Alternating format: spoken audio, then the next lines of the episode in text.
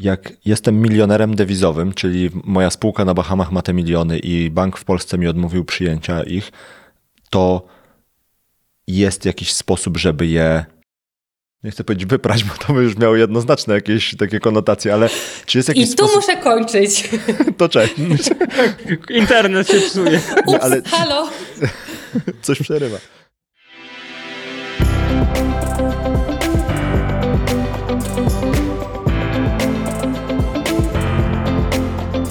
Witajcie w kolejnym odcinku Podróży po Web3. Naszym dzisiejszym gościem jest Dorota Zabłocka, e, CEO butiku prawno-regulacyjnego FreeDots. Cześć Dorota, super, że do nas dołączyłaś. Cześć panowie, cześć wszystkim. To może tak zacznijmy. Skąd przychodzisz? Co robi butik prawno-regulacyjny dla Web3? Bo jeszcze nie dodałem, że dla Web3 to istotne. Siedzisz w tym e, sektorze od, tego, od, tego, od tej strony prawniczej, mniej e, takiej rzucającej się w oczy może niż, e, niż cały taki hype em, związany z budowaniem projektów. Trochę ja to widzę tak, że ty pozwalasz tym projektom się nie, za, nie załamać e, pra, prawno-regulacyjnie. Opowiedz nam trochę o tym. Zazwyczaj rzeczywiście moja rola jest trochę jak kucharzy w restauracji, czyli nie jestem, czy, czy mój zespół nie jest e, na sali, nie jesteśmy tą pierwszą linią, którą widać, ale rzeczywiście trochę w naszych rękach dzieje się ta magia, czyli od pomysłów do realizacji projektów Web3. E, I czym zajmuje się butik? Bo rzeczywiście butik jest e, mniej popularnym, mniej popularną czy mniej spotykaną nazwą niż kancelaria. E, I celowo chyba tą narrację kierujemy, w kierunku, kierujemy ku buti- butikowi niż kancelarii. Mm, Dlaczego? Dlatego, że e, myśląc o Web3, mam przed oczami ludzi niesamowicie kreatywnych, e, którzy mają jakąś wizję na produkt, który absolutnie ma zmienić dany sektor, no bo technologia blockchain to przede wszystkim technologia, ale te rozwiązania naprawdę są mocno innowacyjne. E, I widząc tych kreatywnych ludzi, widzę na co dzień, że zapominają o tych kwestiach, które są mocno połączone z tą rzeczywistością, w której operują, nawet czasem nieświadomie. Czyli kwestiach regulacyjnych, prawno-regulacyjnych. Oni chcą stworzyć fajny produkt, ale często brakuje im tego backgroundu, który pozwala im, żeby zrobić to w sposób bezpieczny i zgodny z prawem. Nawet jeżeli oczywiście ich podejście jest takie, że chcą działać jak najbardziej zgodnie z prawem. I e, myśląc sobie e, właśnie o tych ludziach, e, wyobraziłam sobie takie miejsce, do którego może przyjść ten kreatywny człowiek, który chce zbudować swój absolutnie innowacyjny pomysł, w którym znajdzie po pierwsze zrozumienie, czyli ludzie, którzy rozumieją język, którym się posługuje, rozumieją produkt. Po drugie, trochę pozwalają mu ten produkt sprowadzić do poziomu e, tego świata tradycyjnego, w którym będzie budowany. A po trzecie, wziąć na głowę, e, czy może inaczej, ściągnąć z jego głowy wszystko to, co wiąże się z aspektami prawno-regulacyjno-podatkowymi. E, I to chyba była wizja, e, która, która była początkiem e, pomysłu na e, FreeDOS. Ja mam doświadczenie kancelaryjne, bo pracowałam przez e, wiele lat w kancelariach międzynarodowych, w zespołach, które zajmowały się właśnie produktami technologicznymi, innowacyjnymi. Miałam też swój etap w Wielkiej Czwórce i patrząc na tych ludzi, wiedziałam już mniej więcej, w którym kierunku chciałabym, żeby ta moja praca z tymi projektami szła. Czyli żeby to nie było tylko ad hoc, zrób mi umowę, ja zrobię ci umowę, tylko trzymanie tego big picture i bycie z nimi na co dzień w ich działalności, angażowanie się na tyle, żeby antycypować pewne rzeczy, które się u nich mogą pojawić. I skupiając zatem tą wizję, o której przed chwilą powiedziałam, jak i tą ścieżkę moją i pracę z projektami technologicznymi, em, razem z zespołem fantastycznych ludzi otworzyliśmy FreeDOS, działamy już od roku. E, I od stycznia mieliśmy przyjemność współpracować e, z ponad 60 projektami z Polski i z zagranicy. Więc to doświadczenie dzięki zaufaniu naszych klientów jest również coraz większe. No to ekstra, to w 60, 60 klientów w rok, e, w, w ciągu pierwszego roku po otwarciu i to w takiej specjalizacji, no to gratulacje. Ale powiedziałaś o tym, że wiesz, że oni są tacy kreatywni, są tacy, wiesz, młodzi, kreatywni ludzie, jak e, to, to, to mi każe, wiesz, takie skojarzenie mi się nasuwa. Śmiało. że być może, że, że, że wiesz, że być może takie e, aspekty regulacyjne to jest, wiesz, second thought, e, jak nie, wiesz, e, e, jeszcze dalej, bo ja pamiętam, jak, jak, jak trochę tak widzę, to to ten marketing, wiesz, z naszej branży, nie? Ty, ty może patrzysz na to z perspektywy, wiesz, e, e, prawne, bezpieczeństwa, jakiegoś takiego prawnego aspektu. Ja, ja patrzę często na te mm, projekty, że one są budowane tak, że no trochę słabo się używa na przykład ich strony, danej strony internetowej tego produktu, że to jest trochę taki afterthought, e, że ludzie się skupiają na produkcie, na, no, na protokole, na, na produkcie, a otoczka cierpi na przykład, no bo nie jest takim priorytetem, jak oni to, jak oni to budują. I teraz czy ta umowa e, z twojego doświadczenia, potrzeba e, opieki prawnej, to jest tak, o kurde, musimy, musimy pierwszą umowę zawrzeć na coś i teraz jest wielka panika, jak, jak my to ogarniemy w ogóle, jak my nie mamy pieniędzy, tylko mamy tokeny na przykład, nie? No właśnie, e, rzeczywiście z większością, może nie z większością, ale na pewno z wieloma projektami spotkaliśmy się na etapie, kiedy trzeba było coś naprawiać. E, I śmiejemy się sami, że doskonale wiemy, już naprawdę wiemy, gdzie jest nasze miejsce jako prawników w tym całym projekcie. Nie jesteśmy. Dorota, słuchaj, ja mam tu taki szablon, wiesz co, jakbyś ten szablon przeczytała teraz, czy on jest ok, nada się? E, tak, to albo inaczej. No wiesz, bo my już tak od kilku miesięcy tutaj prowadzimy taki projekt i tak, no ale nie mamy żadnej spółki, chyba te tokeny to takie, no daj, oczywiście dzielimy się zyskiem, tak? Gdzie u nas u prawników od razu z tyłu głowy, ok, security. E, no i da się to jakoś naprawić? No i to, to jest ten moment, kiedy my musimy po pierwsze doedukować, bo nasza praca z naszymi projektami to jest w dużej mierze edukacja, czyli powiedzieć, hej, na przyszłość zwracamy uwagę na te aspekty, a z drugiej strony, no rzeczywiście ja nie lubię być tą osobą, która mówi, że czegoś się nie da zrobić, bo zawsze da się coś zrobić, ale musimy znaleźć takie wyjście, żeby dla klienta rzeczywiście w miarę możliwości go zabezpieczyć, naprawić to, co można naprawić i, i dalej już ten projekt prowadzić w odpowiedni sposób. Powiem Wam, że w sumie chyba największym wyzwaniem zazwyczaj jest to, jakie są oczekiwania naszych klientów i gdzie wkraczamy my, cali na biało, z zupełnie nową koncepcją tego, jak ten projekt powinien być prowadzony. Bo rzeczywiście ci ludzie, e, tak jak ja cały czas to będę podkreślać, to jest niesamowita e, dawka nowych e, pomysłów i inspiracji dla nas, ale mm, nie, ze, nie z każdym klientem łatwo jest pracować tak, żeby ten projekt uelastycznić, tak? Czyli żeby namówić klienta, że coś tam zmienimy, ale na koniec dnia będzie dla ciebie lepiej, będzie bezpieczniej, bo to są często ludzie, którzy mają swoją wizję, właśnie tą biznesową, która nie zawsze w 100% jest rabialna prawnie. Ja mam takiego y, znajomego adwokata właśnie i on on, on ma taką grupę klientów, e, którym się nie da pomóc, bo ci klienci, oni doskonale wiedzą, czego potrzebują, tylko nie mają jakby takiej mocy, wiesz, takiego, takiej, takiej mocy, żeby samemu cały dokument napisać. I, on, i on, on właśnie czasami tak mówi, że no jednak no nie, nie wszystkim klientom da się pomóc. Wiesz co, tak, a w ogóle śmiesznie, bo ja tych klientów nazywam prawnik wannabe, bo są tacy e, klienci nie tylko z branży Web3, um, którzy gdzieś tam może marzyli, albo kiedy, kiedyś ktoś mi powiedział, że w sumie fajnie piszą te dokumenty i sobie rzeczywiście taka jest Zosie Zamosie.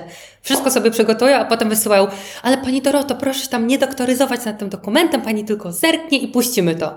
No i trzeba takiemu klientowi powiedzieć, że oczywiście no to zrobię w trakach, ale chyba łatwiej by było, żebyśmy to zrobili od początku.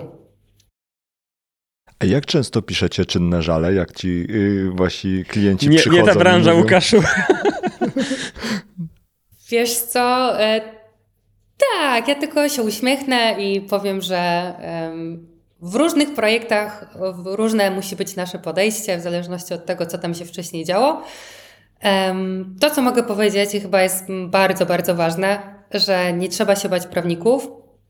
Po drugie, e, trochę jak z lekarzem, że każdy znajdzie sobie takiego, któremu zaufa i z którym się będzie dobrze współpracować. Nie musi to być zawsze freedos, nie musi to być, nie muszę to być zawsze ja, ale chodzi o to, żeby była taka świadomość, że naprawdę prawnik nie gryzie e, i że czasem może coś pomóc e, i jednak pomóc, żeby ten projekt rzeczywiście się nie tylko zgodnie z prawem rozwijał, ale żeby po prostu się na przykład szybciej rozwijał, albo w ogóle, żeby się to mogło zadziać. Ale wiesz co, a propos tego, że prawnik nie gryzie, to nie mogę nie zadać tego pytania. Jeżeli e, działacie od roku, to znaczy, że się niedawno meblowaliście. Czy macie zestaw skórzanych kanap w kolorze brązowym i mahoniowy e, stół konferencyjny na 16 osób? Muszę o to zapytać. Nie, mogę wam tylko tutaj zdradzić. O, dadę, dadę, to jest nasza tapeta. O, no i to rozumiem. Tak, e, tak jak zresztą widać po naszym logo, trochę poszliśmy w innym kierunku, ale żeby nie było, jak będziecie, zapraszamy oczywiście, jak będziecie odwiedzać nasze biuro, to są takie elementy, e, które nawiązują do kancelarii prawnej, ale z takim, powiedzmy, mrugnięciem oka. Mamy e, kanapę skórzaną, leża, taką leżankę. Tylko jeden. Z sztuki jeden leżankę, którą bardziej mówimy, że jak klient będzie potrzebował terapii, to zawsze może sobie na niej poleżeć, na której mamy kolorowe poduchy. Mamy stolik z wagą, czyli kolejny, tak? y, Symbol prawnika. Mamy stolik z wagą, na której stoją kolorowe mazaki. E, I mamy tapetę w papugi, bo jak wiecie, na prawników mówi się papugi. Więc to, to tyle, jeżeli chodzi o wystrój typowej kancelarii. Raczej jesteśmy e, niekonwencjonalni również w tym zakresie. Zapraszamy, żebyście sami sprawdzili, żeby nie było, że jestem gołosłowna. Ekstra. To powiedz trochę więcej o tym, y, może tak, żeby em, nadać pikanterii. Jaki był taki najdziwniejszy case, który musiałaś wyciągać za uszy z bagienka na przykład? Jeżeli wiesz, no w zakresie takim, jakim możesz mówić oczywiście, nie? Jasne. Ale bez nazwisk, bez nazw, ale wiesz, jestem ciekawy na najbardziej takiej bizer rzeczy, którą miałaś y, okazję ratować. Em, może powiem, bo jeżeli by zważyć te dziwności w projektach, to kilka by było, ale jeden taki najbardziej, e, który zapadł mi w pamięci, to był projekt, w którym przyszło do mnie dwóch bardzo, bardzo, bardzo młodych e, chłopaków. No nie, powiem o dwóch rzeczach. Pierwszym przed, przyszło dwóch bardzo, bardzo młodych chłopaków, ale co ważne, pełnoletnich. To jest ważne w tej historii, bo druga historia będzie trochę inna. E, I em, powiedzieli, że oni to tak od kilku miesięcy taki biznesik prowadzą, mm, bo mają taki launchpad. No i tak średnio 300-400 tysięcy dolarów e, zarabiają dziennie, no i tak trochę się przestraszyli, bo tego jest dużo, no i żeby im pomóc. No i się okazało, że tam i e, jurysdykcje e, zakazane były, jeżeli chodzi o wydawanie tokenów. E, nie mówiąc o jakichś kwestiach konsumenckich, dokumentach na stronie, żadnego podmiotu, który to wszystko em, spinałby. Pytanie, czy tam była działalność crowdfundingowa, czyli wiecie, od razu w mojej głowie tysiąc rzeczy, które się Wybuchła. mogły zadziać. Tak, tak, tak, ale y, klient był bardzo zdeterminowany, twierdząc, że na pewno coś się da zrobić, żeby zupełnie to wyczyścić. E, I rzeczywiście bardzo mocno musieliśmy zrobić taki track w, od samego początku, żeby po pierwsze zweryfikować, co tam się zadziało, e, czyli zważyć sobie to ryzyko, skoro już mówiłam o wadze, czyli zważyć sobie, jakie, jakie ryzyko się tam znalazło. E, ale powiem Wam, determinacja tych ludzi, żeby potem stworzyć, jakby ten projekt wyprowadzić na prostą, zacząć go robić od początku, e, już tak wszystko zgodnie z prawem, czyli od tego, że robimy sobie coś absolutnie nie zważając na żadne przepisy podatkowe, e, regulacje sektorowe, konsumenci, prohibited jurisdiction, nic, absolutnie nic, do momentu, kiedy powstała piękna spółeczka, piękna strona internetowa. Wszystko się zadziało w ciągu 6-7 miesięcy.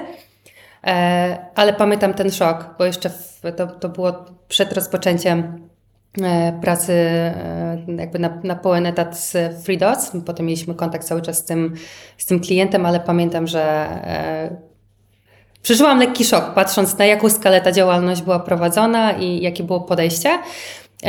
I nie mniejszy szok, czy nie mniejsze zdziwienie było, kiedy do mojej kancelarii przyszedł nastolatek z mamą, który również prowadził działalność gospodarczą, jakkolwiek. Aktywność Em, gospodarcza. Ak- aktywność, tak, aktywność gospodarczą. Przyszedł z mamą, żeby się zapytać, co można zrobić, bo też, powiedzmy, rozkręcił mu się biznes w handlu peer-to-peer e, na, na różnych giełdach. E, no i tutaj zakończę, ale naprawdę z różnymi osobami mieliśmy do czynienia. Chyba więcej było takich pozytywnych, e, pozytywnych zaskoczeń. Wydawało mi się na samym początku, jak zaczęłam pracować z branżą Web3, to był rok 2016, e, że często to są projekty, które a, jakoś tak na szybko, byle jak, e, jakoś to będzie, ale to blockchain to jest zdecentralizowane. I trochę miałam takie poczucie, że w tym Web3 mało osób chce to zrobić naprawdę dobrze. Już z biegiem jakby czasu i projektów, z którymi miałam okazję współpracować, naprawdę widziałam już wiele możliwości, gdzie dane modele biznesowe dało się zrobić dobrze i biznesowo koszernie, a wciąż nie widziałam tej chęci ze strony founderów. I powiem Wam, że im jakby dalej jesteśmy w rozwoju implementacji blockchaina i tych projektów Web3 się pojawia coraz więcej, Chociaż te modele są znacznie inne, no bo to trochę taka sinusoida, co jest na topie, e, to się rozwija. To jestem mile zaskoczona tym, że młodzi przedsiębiorcy z branży Web3 przychodzą do nas i mówią wprost: My chcemy płacić podatki, chcemy to robić zgodnie z prawem. To powiedz, jak możemy to zrobić, żebyśmy byli bezpieczni, żebyśmy mogli spać spokojnie.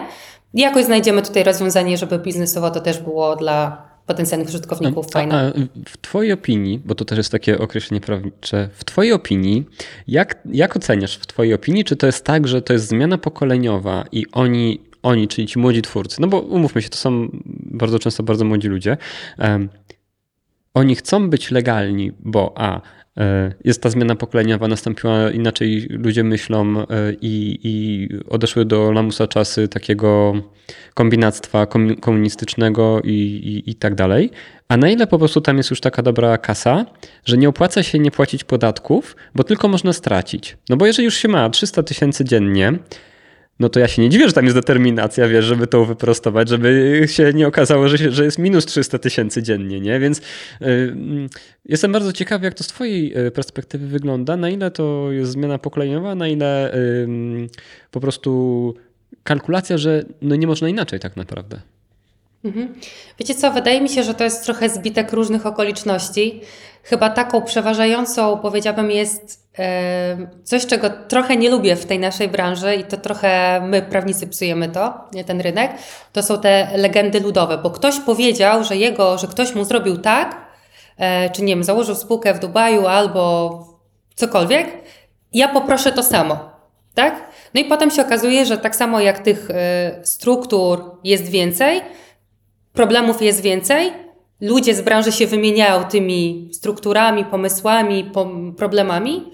I ludzie, którzy trochę mają dojście, mają ludzi powiedzmy z tego samego community, mają taki natłok informacji z dwóch stron, co chodzi, co nie chodzi, co jest pozytywne, co jest negatywne, co jest fajne, co jest problematyczne, e, że przychodzą do prawnika trochę z takim e, rozstrzeleniem, co ja mam w takim razie zrobić, bo nie chcę, z jednej strony chciałbym tak łatwo, ale gdzieś tam słyszałem, że to jest problematyczne, czy już przychodzą, wiecie, z nieuporządkowaną, ale z jakąś tam wiedzą i mówią, zrób tak, żeby było dobrze. Posłyszałem, że gdzieś tam było, nie wiem, jakaś decyzja, jakiś wyrok, bo mój kolega miał grzywnę albo był w prokuraturze, musiał, nie wiem, zeznawać, cokolwiek. Więc wydaje mi się, że więcej jest implementacji, więcej ludzi siedzi w branży, więcej korzystały z prawników, są dobre, złe praktyki, ale generalnie to powoduje, że tej informacji dostępnej z tak zwanych legend ludowych jest więcej. W związku z tym ludzie już szukają jakiegoś takiego swojego miejsca, które da im bezpieczeństwo i wtedy, halo, halo? Um, wtedy chyba trochę bardziej są otwarci na to, co prawnicy im powiedzą. A to jaka jest rola prawników, którzy zepsuli ten rynek, bo tego, to mi uciekło? E, właśnie w tym, że tak jak wśród funderów są różne ścieżki tego, żeby budować projekty nie wiem, długoterminowo, niektóre projekty są budowane, żeby powstać tu i teraz, bo widzimy, że jest hype, więc teraz skakujemy w ten hype.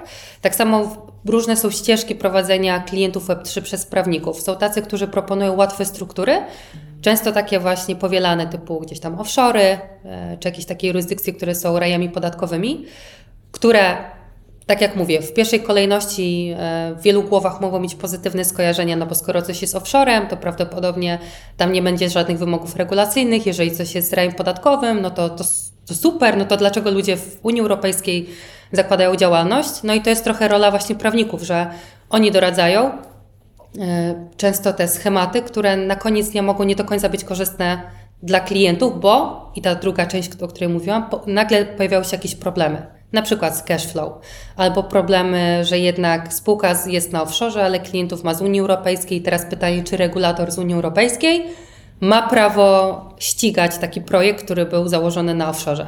Tak? Więc trochę my mam, maczamy w tym palców, no bo sam projekt sobie nie wymyśla, a to zakładam spółkę w Dubaju, tylko jednak ktoś mu to powiedział. I często niestety to są właśnie ci prawnicy, doradcy, jakkolwiek tutaj nazwiemy.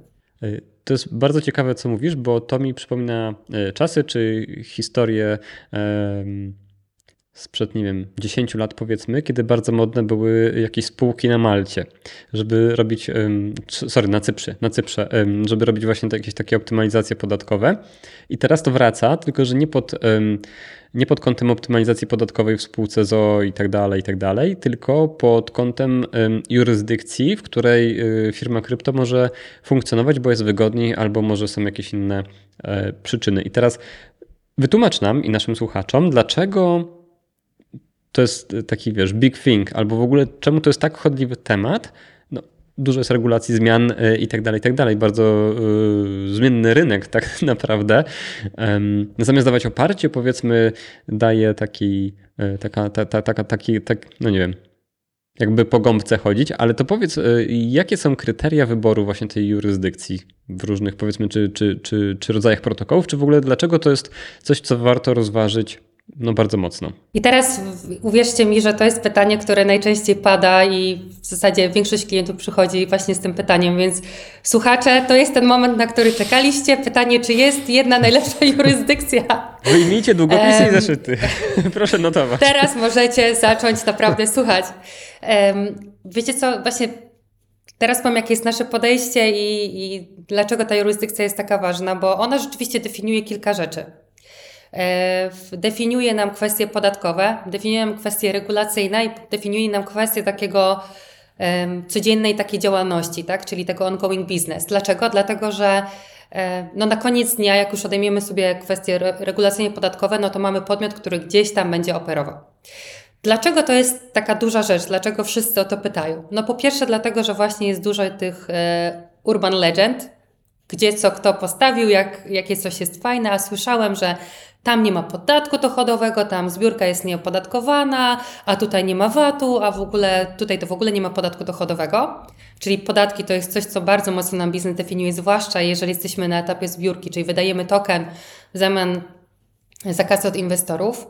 E, Kolejna rzecz, no jeżeli mamy dane rodzaje tokenów, które mogą być traktowane jako voucher, e, czy same w sobie jako digital product, no to mo- może nam się pojawić VAT, więc to też jest istotne. No i na koniec nie mamy podatek dochodowy.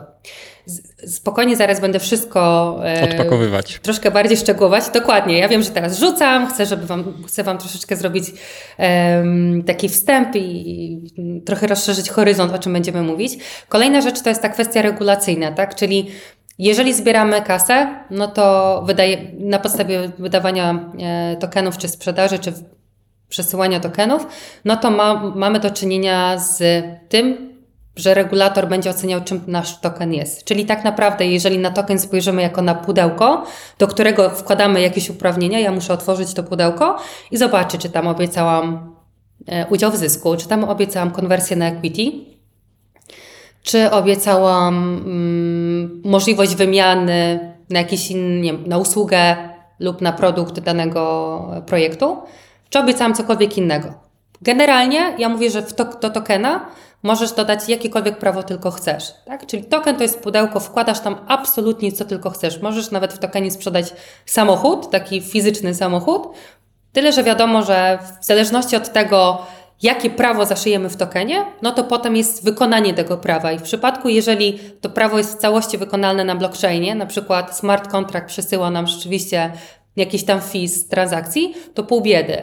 Większy problem pojawia się wtedy, jeżeli obiecujemy udział na przykład w zysku albo obiecujemy konwersję na udział w spółce, no to mamy, wiecie, tradycyjne czynności prawne, tak? Czyli ja muszę tego gościa, tego inwestora wpuścić do spółki. Albo jeżeli obiecałam na przykład współwłasność mojego samochodu, no to znowu prawo to jest przeniesienie, e, sprzedaż samochodu to jest przeniesienie prawa i wydanie rzeczy.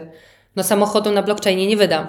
Więc e, w zależności od tego, w jakim państwie jest wydawany token, czy w jakim państwie jest dana spółka, no to różne będą implikacje tego prawa tradycyjnego, które jest związane z tym tokenem, tak? Realizacja tego prawa, które ja włożyłam do pudełka. No i to, co powiedziałam, last but not least, koszty i wszystko, co jest związane z codzienną działalnością spółki. Czyli co z tego, że możesz mieć spółkę, która nie płaci albo płaci niskie podatki, co z tego, że Twój token w danej jurysdykcji nie będzie wymagał od Ciebie mm, tego, żebyś e, zaaplikował o licencję, czyli że musisz uzyskać licencję.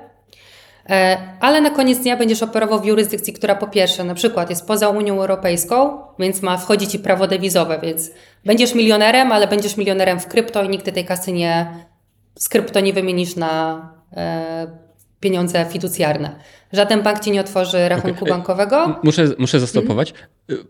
O, poczekaj, poczekaj Dorota, bo chciałabym się dowiedzieć, czym jest prawo dewizowe w takim układzie. Mhm. W skrócie, jeżeli chodzi o kwestię właśnie wymiany środków pieniężnych, to jest regulacja, która ci mówi, że e, dane środki są traktowane jako foreign currency, czyli dewizy, i żebyś mógł tych środki użyć, przesłać i używać w danym w innym kraju, musisz uzyskać zezwolenie dewizowe. O ile nie łapiesz się pod jakieś ogólne zezwolenie dewizowe, albo jeżeli przesył pomiędzy danymi państwami nie jest objęty tą regulacją. Czyli tym, mając środki na przykład w jakiejś spółce offshore'owej, musisz sprawdzić, czy przesyłając środki z kraju X do Polski, po pierwsze możesz to zrobić, po drugie, jeżeli okazuje się, że potrzebne jest zezwolenie, to czy yy, ten przesył jest objęty tym ogólnym zezwoleniem dewizowym, czy musisz sam wnieść do prezesa NBP o zezwolenie dewizowe, takie indywidualne dla ciebie. No jak słyszycie, to chyba raczej nie jest nic przyjemnego i prostego. Przepraszam, czy ja dobrze rozumiem, że to działa w taki sposób, że jak założysz powiedzmy spółkę na jakiś, nie wiem, Bahamy, to, to popularny ostatnio tak. temat. Naj, nie? najnowsza, naj, najlepsza Tak. destynacja. Najlepsza destynacja z, w okolicy i tam zarobisz w tej spółce, no powiedzmy, nie wiem, milion dolarów, to żeby przetransferować ten milion dolarów do Polski, to musisz po pierwsze nie przetransfer, w sensie jak wyślesz przelew do polskiego banku, to on nie dojdzie, oni ci zatrzymają te pieniądze i, Może i coś tak się być. z nimi wydarzy? Albo będzie. Tak? Pamiętajcie, że jest taka regulacja, która tak naprawdę e, jest jedną z. Oprócz podatków i kwestii w ogóle regulacji, czym token jest, czy potrzebujesz licencji na emisję tokena, czy nie, e, to co spędza sens powiek wszystkim funderom, to jest regulacja AML-owa, czyli Anti-Money Laundering. I to jest tak naprawdę regulacja, która jest stosowana przez każdą instytucję obowiązaną, w tym przede wszystkim przez banki, tak? Czyli naj, To jest taki młotek, którym walą, bo jest najłatwiej. Tak, czyli na przykład, jeżeli przesyłasz kasę, już pomijając, czy to będzie kwestia prawa dewizowego czy niedewizowego, ale po prostu, jeżeli instytucja obowiązana, czyli ta, która odpowiada przed organem nadzoru w Polsce KNF-em, e, stwierdzi, że ma wątpliwości albo co do ciebie, czyli podmiotu, który ma otrzymać, albo co do źródła pochodzenia tych środków, e, w rozumieniu podmiotu, który tobie wysyła, lub e, skąd ten podmiot te środki miał, to po prostu tych środków ci nie przyjmie. A to co się wtedy dzieje z tymi środkami?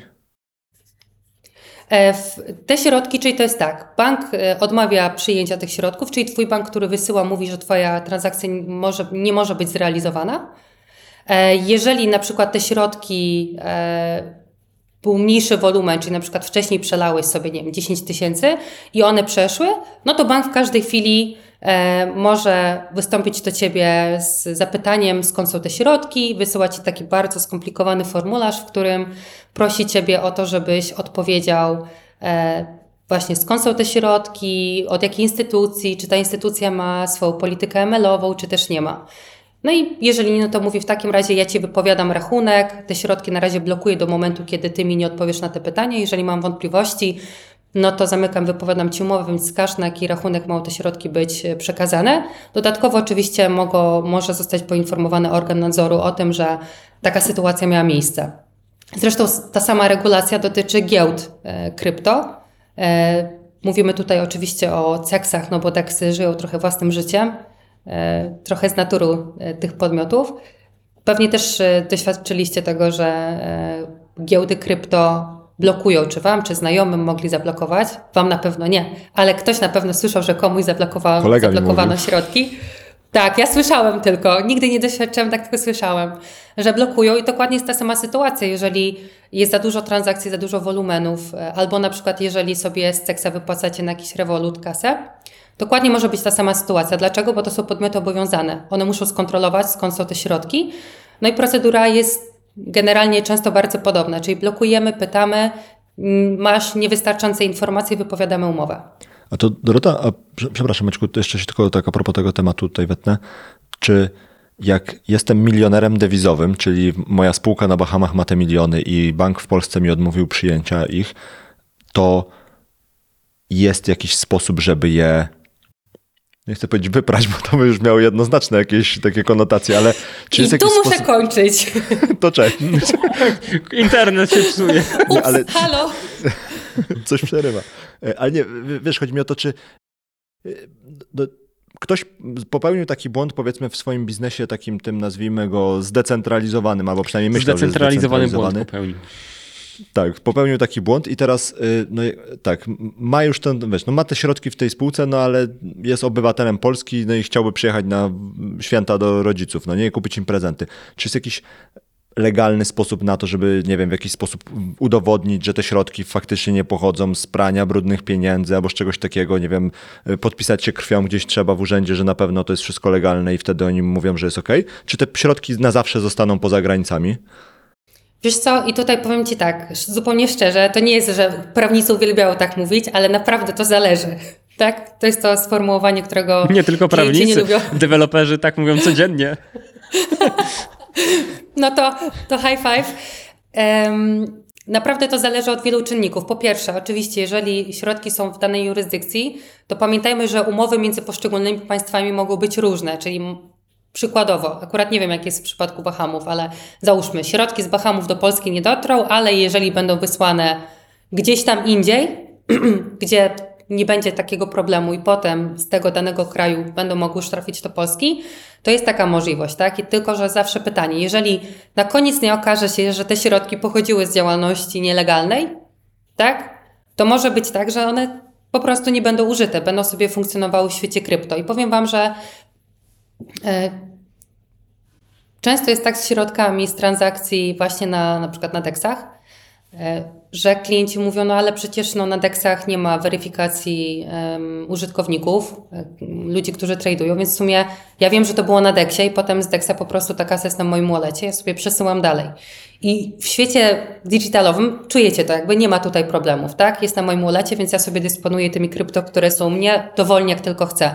Więc na koniec dnia, jeżeli chodzi o, o tą konwersję, czyli ten moment, kiedy e, dana instytucja obowiązana mówi sprawdzam, to jest ten moment, kiedy ja z tego świata krypto, gdzie mam swobodę, bo nie mam żadnego organu zdecentralizowanego, który wchodzi na blockchain, wjeżdża jak prokuratura IO, IO i sprawdzam, co macie na walletach, tylko dopiero tak naprawdę kompetencje tych organów wchodzą w momencie, kiedy my się chcemy światować, czyli z, decentraliz- z zdecentralizowanego świata chcemy wejść do tego tradycyjnego. I to jest ten moment, kiedy organ sprawdza, czyli na przykład, jeżeli handlowałam na Dexie, robiłam różne transakcje peer-to-peer, potem wchodzę sobie na Cexa, handluję sobie, z Cexa sobie wypłacam, Potem przesyłam sobie na przykład kasę na Revolut i z Revoluta sobie przesyłam na tradycyjny rachunek bankowy. Może nie być w ogóle problemów z tym e, przesyłem kasy, tak? Natomiast zawsze to jest kwestia indywidualna, bo pamiętajmy, że za każdym bankiem i za każdym organem stoją ludzie. I to nie jest zawsze ta sama pani Halinka, która sprawdza każdego użytkownika i każdy case, tylko to są różni ludzie, którzy mogą mieć taki dzień lub troszkę lepszy, troszkę gorszy, albo inne okoliczności, inna praktyka. A czy to jest tak, że to po stronie tego, kto wypłaca te pieniądze, jest obowiązek tego, żeby udowodnić, że te środki tam w krypto nie były od jakiegoś handlarza narkotykami? Czy to ta instytucja sobie sama sprawdza i właśnie na końcu pani Halinka, jak cesarz jakiś y, kciuk pokazuje w górę albo w dół i od jej woli tak naprawdę zależy to, czy dostaniesz kasę, czy nie? Ty oświadczasz, jako na przykład użytkownik banku, jako klient banku, ty oświadczasz, że te, środki nie są, nie pochodzą z finansowania terroryzmu czy z działalności nielegalnej. E, Natomiast e, pracownicy sprawdzają wtedy, kiedy mają wątpliwości, a organ najczęściej wtedy, kiedy jest e, potocznie używana podpierdzielka, czyli ktoś serdecznie zawiadamia, że tutaj sprawdźcie tego. Sąsiad więc płot czas- zrobił i to ciekawe, skąd ma te Oj, pieniądze. A on cały czas, całą zimę w domu siedział, ja nie wiem skąd. Em, więc często to może być przyczyna, więc organ sprawdza wtedy, kiedy ma jakieś na przykład zawiadomienie z instytucji obowiązanej albo ktoś uprzejmie zawiadomi. E, Instytucja obowiązana, czyli na przykład bank, sprawdza, bo ma wątpliwości, bo jest nie wiem, duża liczba przelewów albo duże wolumeny, czyli duża kwota jest przelewana, więc wtedy mówi, hmm, skąd ten człowiek tyle środków miał? Sprawdźmy, bo to trochę wygląda podejrzanie. Albo na przykład, jeżeli e, kasa trafia z jakiegoś dziwnego banku albo z jakiejś dziwnej instytu- instytucji, takiego banku internetowego, no to wtedy może e, sprawdzić. I teraz oczywiście nie ma jednego schematu, kiedy sprawdza i jak sprawdza, dlatego że każda instytucja sama sobie pisze mm, te polityki. One są w wielu aspektach spójne. E, Natomiast jak bardzo, jak bardzo szczegółowo pytają, o jakie dokumenty proszę, naprawdę widziałam wszystko. Miałam raz klienta, który miał zablokowane środki i instytucja obowiązana prosiła go na przykład o dostarczenie dowodów osobistych córki. Tak, żony, córki, zeznania podatkowe, no to powiedzmy to jest jeszcze w miarę zrozumiane, ale jakieś umowy darowizny, testamenty, masę dokumentów. No i pamiętajmy jedną rzecz, że możemy odpowiadać na te pytania, zwłaszcza jak nam zależy na realizacji jakiegoś transferu.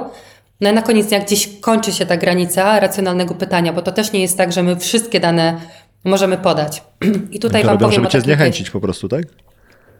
E, Różne są przypadki. Powiem Wam o jednym. Moim zdaniem to był przypadek taki, w którym dana instytucja obowiązana miała problem z płynnością, dlatego blokowała środki klientów, żeby tych środków nie wypłacali.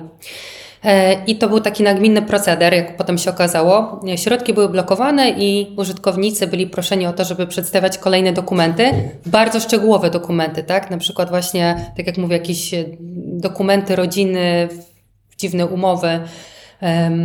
I w pewnym momencie my jako prawnicy wystąpiliśmy do tej instytucji obowiązanej e, z prośbą o wskazanie podstawy prawnej, w ogóle podstawy, dlaczego żądają takich szczegółowych informacji, no bo są to już dane na tyle wrażliwe, które mogą być też równie dobrze komercjalizowane gdzieś tam na rynku, no i zbierając tego typu informacje od wszystkich klientów, można sobie naprawdę stworzyć pokaźną bazę, którą można potem sprzedawać, więc mieliśmy wątpliwości po pierwsze co do podstawy, po drugie po co ktoś tak szczegółowe dane prosi, no i się okazało, jak wysłaliśmy wezwanie, to e, klient w ciągu tygodnia otrzymał, miał odblokowane środki, jeszcze dostał mm, prezent przeprosinowy. A to ten, Uśmiechnę się, FTX tak. by uratowało to, jakby mogli takie rzeczy robić, nie? W sensie jakby kazali teraz każdemu, kto w tym całym bankranie próbował wypłacić środki, jakby kazali każdemu teraz przedstawić akty darowizny po rodzicach i tak dalej, to by wytrzymali całą tą presję, tak? Nie wiem, co ci, nie wiem dlaczego tak nie zrobili, naprawdę. Przecież samo się prosiło. Samo, przecież ja, ja nie rozumiem, przecież są praktyki rynkowe w tym zakresie. Ale oni, Że się znali. oni wymyślali koło na nowo, no to dlatego. Ja tego, Tym razem było Łukasz, inaczej. ja tego nie wymyśliłam. Nie, ale słuchajcie, to jest naprawdę rynek, rynek ma takie swoje. mm, Ten rynek Web3 ma, swojego, ma swoje takie specyficzne zachowania. E, Nie mówię tego ani w negatywnym, ani pozytywnym znaczeniu. Po prostu jest trochę różnica wciąż między tym, jak funkcjonuje ten rynek finansowy tradycyjny, a ten rynek Web3. Są rzeczy, które znając web, ten rynek tradycyjny, który jest bardziej dojrzały, można przekuć na Web3, a są takie rzeczy absolutnie abstrakcyjne, które nie mają nic, nic z tym wspólnego. E, Więc wydaje mi się, że trzeba po prostu obserwować, bardzo często korzystać e, z forów, gdzie wypowiadają się ludzie, którzy na co dzień w tym siedzą, bo wtedy nasze patrzenie, które jest często takie, bo widzimy, wiem, jeden projekt czy na 10 projektów, jest bardzo wąskie w porównaniu do tego, na jaką skalę dane działania mogą być. Więc e, jeżeli ktoś operuje w branży Web3 e, i w DeFi'u, zawsze mówię, że trzeba obserwować to, co się dzieje, bo nie ma lepszej bazy wiedzy niż po prostu doświadczenia innych ludzi, którzy w tym community są. A fajne w tym community jest to, że wszyscy się dzielą tą wiedzą. Nie ma problemu z dostępem do wiedzy. A wiesz co, bo tak e, jak zaczęliśmy tę tą rozmowę o tych różnych jurysdykcjach i dewizach i tak dalej, to z tego trochę przebija taki wniosek, że generalnie w Polsce to takiego projektu Web3 to nie za bardzo da się prowadzić, tak? Czy ja dobrze to rozumiem? Czy po prostu są tak wąskie jakieś specyficzne przykłady, że, że tak naprawdę nie ma sensu w ogóle rozważać tego rynku?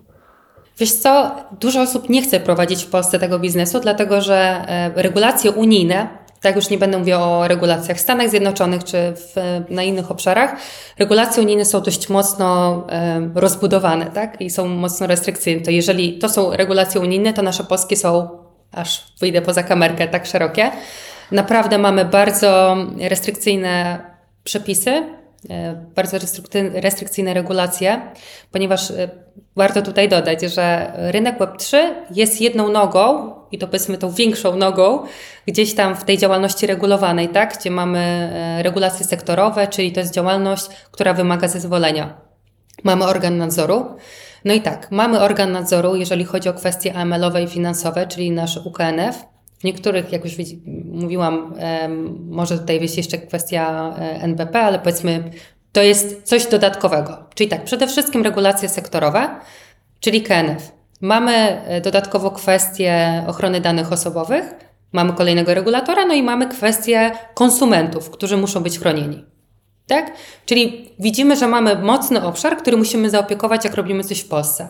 Oczywiście gros tych regulacji jest unifikowana wewnątrz Unii Europejskiej. Natomiast różnicą między jednym krajem unijnym a drugim krajem unijnym jest taka, taka że po pierwsze, w jednym kraju nie jest większa otwartość regulatora, e, w organie pracują osoby, które bardzo mocno znają się na Web3 i są to osoby wyspecjalizowane, więc jest komórka wyspecjalizowana do współpracy z, e, z przedsiębiorcami Web3. Mamy gro specjalistów. Nie mówię, że w Polsce tych specjalistów nie ma, bo to ostatnia rzecz, jaką bym powiedziała. Mamy świetnych specjalistów od Web3, praktycznie w każdym zakresie technologicznym, regulacyjnym, podatkowym. Jednak jest ich zdecydowanie mniej, e, zwłaszcza jeżeli chodzi o to ciała mm, adwisorskie w zakresie prawno-regulacyjnym niż jest to za granicą.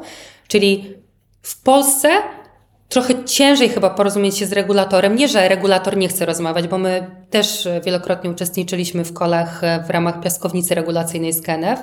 Natomiast widać, że ta praktyka nie jest na tyle duża, żebyśmy dostali jasne wytyczne, czy mój projekt realizowany w Polsce potrzebuje licencji, czy nie. Bo organ może zawsze odmówić. No, Czyli to problemem jest bardziej y, E, Chodzi o to, że nawet nie problem. Problem to jest słowo, którego staram się unikać, bo to nawet nie jest problem, tylko kwestia jest taka, że ktoś chce zrobić projekt, dokładnie wiesz, co chcesz zrobić i niestety zazwyczaj decyduje się od razu sobie wyznaczając dość krótki okres e, na to, żeby to zrealizować. Po drugie, masz określoną ilość pieniędzy, ale to nie jest ilość pieniędzy, która pozwala ci na to, żeby teraz tylko przez rok E, rozmawiać z regulatorem, żeby na końcu na przykład otrzymać informację, że no w sumie nie wiemy, czy pan powinien mieć licencję, czy nie, chyba lepiej by było, żeby pan tą licencję uzyskał. Kiedy idąc do innego kraju, też wewnątrz Unii Europejskiej, idziesz do regulatora i po dwóch miesiącach masz na przykład informację, że pana token nie będzie tokenem security, więc spokojnie może pan dokonać zbiórki sprzedając ten token, tak? Jeżeli ten token rzeczywiście będzie miał takie funkcjonalności. Więc odpowiadając, da się to w Polsce zrobić, i czasem może nawet bardziej celowe byłoby to robienie w Polsce, jeżeli cały zespół jest w Polsce, produkt, z którym token jest powiązany, jest w Polsce. Czyli trochę na wagę znowu wkładasz sobie te łączniki z Polską. Trochę nie boli cię ta, ten czas, który to zajmie. Masz wystarczającą ilość środków, żeby to zabezpieczyć. Wtedy możesz to zrobić w Polsce, ale jednak zdecydowana, zdecydowana, zdecydowana większość decyduje się na to alternatywne rozwiązanie, czyli znaleźć jurysdykcję, która pozwoli to zrobić szybciej i taniej pod kątem całego establishmentu, jak i pod kątem efektywności podatkowej.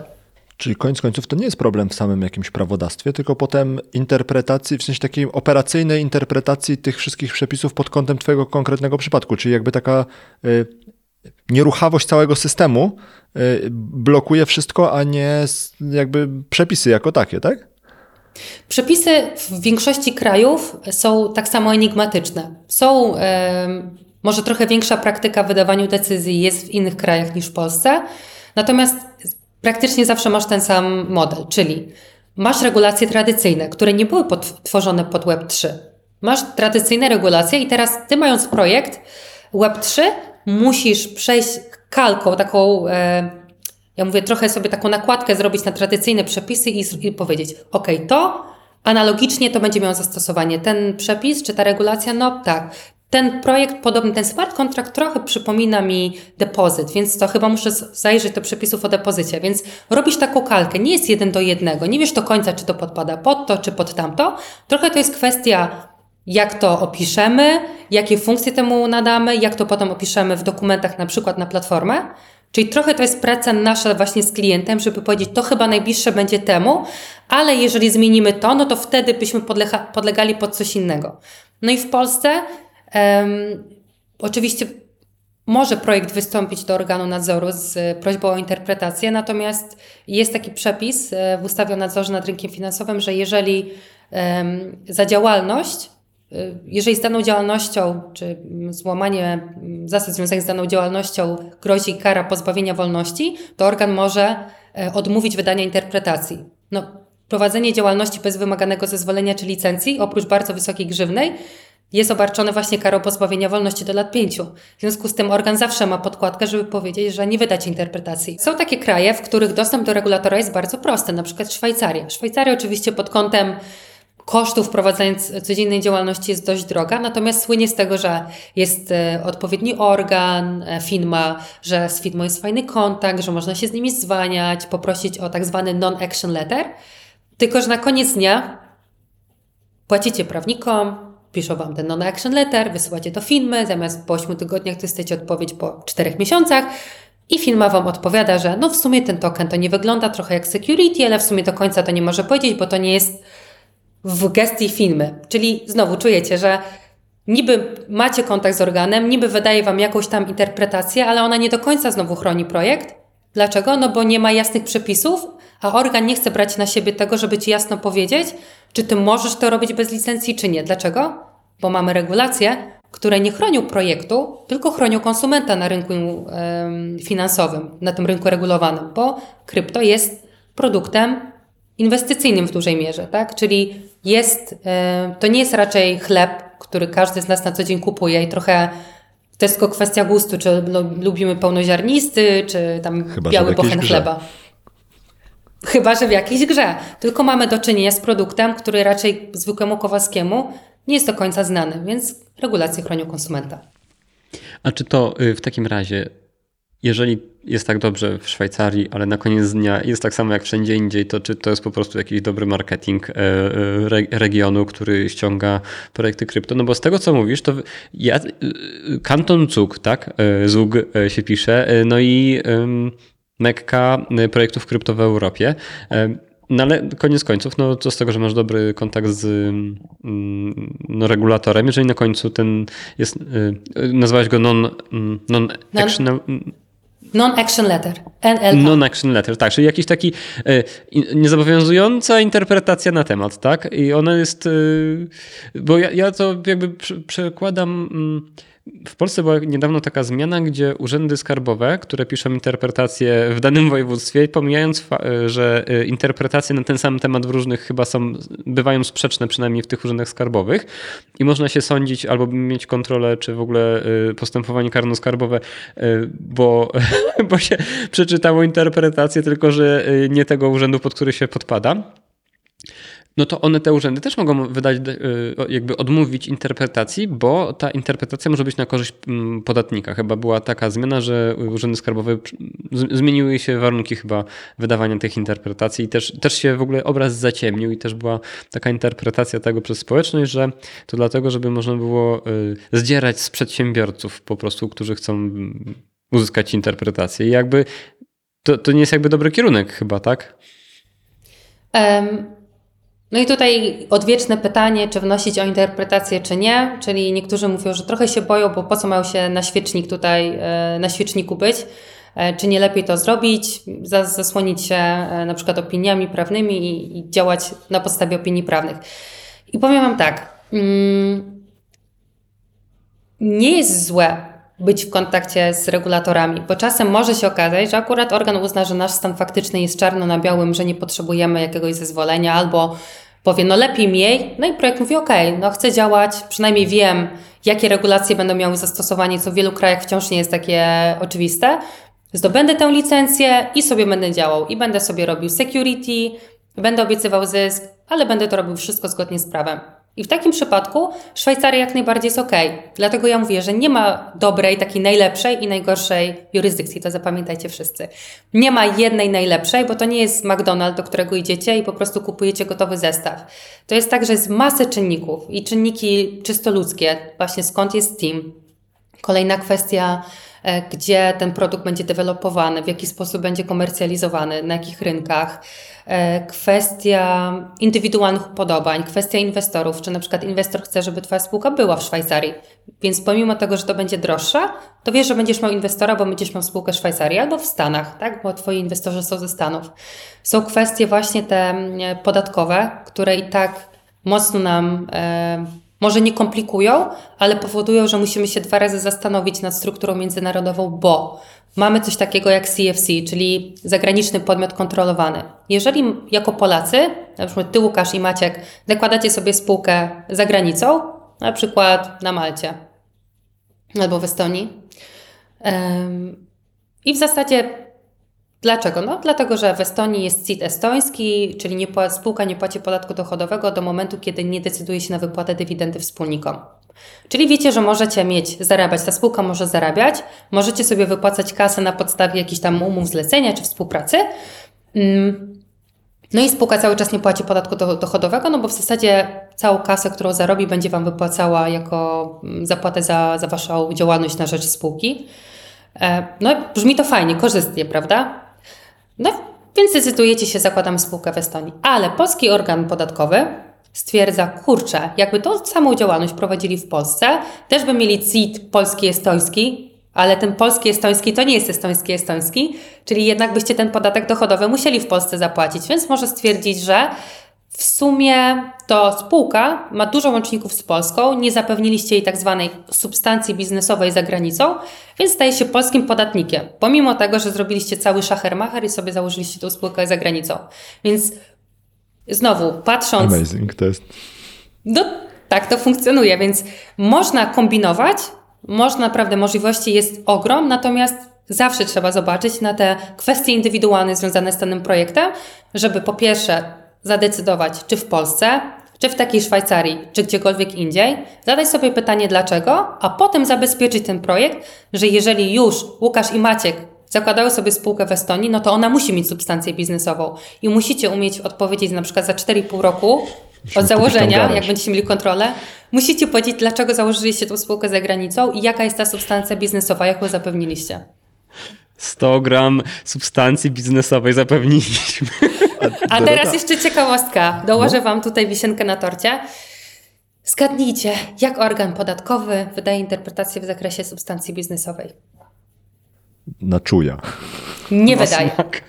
Może odmówić. Czyli jest kilka e, przesłanek, które powodują, że dana spółka zagraniczna może zostać uznana jako podmiot kontrolowany, czyli ta regulacja CFC będzie miała zastosowanie, czyli załóżmy polski organ podatkowy uzna, że spółka zagraniczna powinna płacić podatek w Polsce zgodnie z polskimi zasadami. Najważniejszą przesłanką jest substancja biznesowa, a co do substancji biznesowej, organ podatkowy nie wydaje interpretacji. Y, Że, żebym ja to dobrze zrozumiał. Czy to działa tak? Zakładamy biznes, z, kupujemy z Maćkiem garaż, w którym będziemy nasz y, startup otwierać w Estonii i urząd tutaj mówi nam, y, nie macie tam substancji biznesowej, bo w garażu jest pusto. A my się pytamy, to co musimy włożyć do tego garażu, żeby fakt istnienia substancji biznesowej tam istniał? A oni mówią, nie powiemy wam, tak? To Wiem, ale nie powiem, oni mówią. Albo powiedzą, no właśnie, Łukasz, Maciek, co tam włożycie? naprawdę? A my mówimy, wstawimy tam dwa rowery i szafę, a oni mówią, wstawcie to zobaczymy, tak? Dokładnie tak. Wiecie, to jest tak, że w Stawcie to, zobaczycie. Właśnie, wstawcie, to zobaczycie. A będziecie tam, będziecie tam stać obok tych rowerów, czy nie? Jak ktoś będzie wam przychodził, będzie pan jakiś tawi tam przychodził, czy, czy inny i wam będzie te rowery tam czyścił, czy nie? Będziecie mu płacić, a z rachunku polskiego czy z estońskiego? A umowę z nim macie podpisaną? Pod jakim prawem? A w jakim języku? Więc wiecie, jest masę A, to nawet w jakim języku umowa wręcz, tak? No ale to jest chyba Znaczy, takie wiecie, pytanie to- po to, żeby ci pokazać, żeby, że nie ma, tak? W sensie to, to jest takie, mam wrażenie, że to jest chyba taka zabawa trochę, jak nie wiem, jak się to nazywa, y, co te takie wyskakują kreciki i trzeba je młotkiem zbijać, że tak z, nieważne ile z ich zbijesz, to i tak wyskoczy następny, no nie? To chyba o to chodzi. My, Trochę my szachy zawsze, 3D. Trochę tak. My, em, my zawsze mówimy, że są takie best practices, że do końca w sumie nie wiadomo. Ja mówię, że tak jak e, nie od razu Rzym zbudowano, tak samo nie od razu buduje się substancje biznesowe, czy to w Polsce, czy za granicą. Ilu z nas zakładając JDG, no to nie jest tak, że masz od razu 10 klientów, nie wiem, jakiegoś pracownika, współpracownika, tylko trochę czasu minie, zanim ten biznes się rozkręci. Ale po pewnym czasie Patrząc na te best practices, które my na przykład sobie tworzymy, patrząc na to, jak nasi klienci operują i na co zwraca uwagę, uwagę właśnie organy, na przykład mówimy, no fajnie by było, gdybyś zrobił to, to, to, to, to. Umowy, no to przedstaw umowę, ale jak podpisujesz umowę, to nie podpisuj jej po polsku. Na przykład mamy spółkę, która ma rozwiązanie Web3, jest spółką software'ową, no i ma e, biuro księgowe. No to z biurem księgowym będzie miał umowę z Estonii, tak? E, My, nasze projekty, te, które na przykład nie idą po ten tak zwany non-action letter, czy podobne analogiczne dokumenty do organu, mówimy minimum, które musisz mieć i to jest zawsze nasza rekomendacja, żeby zabezpieczyć projekt opinią prawną i opinią podatkową w danym kraju. Nie którą wystawię ja jako polski prawnik, tylko taką, którą wystawi prawnik w danym kraju inkorporacji, no bo ja nie mogę wystawić na podstawie prawa obcego opinii prawnej. Um, czyli to jest absolutne minimum. Więc już mamy umowę z kancelarią prawną czy z kancelarią podatkową, która przygotuje nam opinię. Dalej, możemy mieć jakiegoś pracownika, możemy mieć dyrektora zatrudnionego w spółce, który jest z danego kraju. Jeżeli zatrudniamy na przykład dewelopera z Polski, czyli funderzy są z Polski, mają dewelopera z Polski, ale przecież mogą go zatrudnić w spółce zagranicznej, tak? I wtedy, no wiadomo, dobrze by było, żeby umowy podpisać w języku angielskim przynajmniej, a nie w języku polskim, pod prawem estońskim, czy tam danego kraju, a nie pod prawem polskim.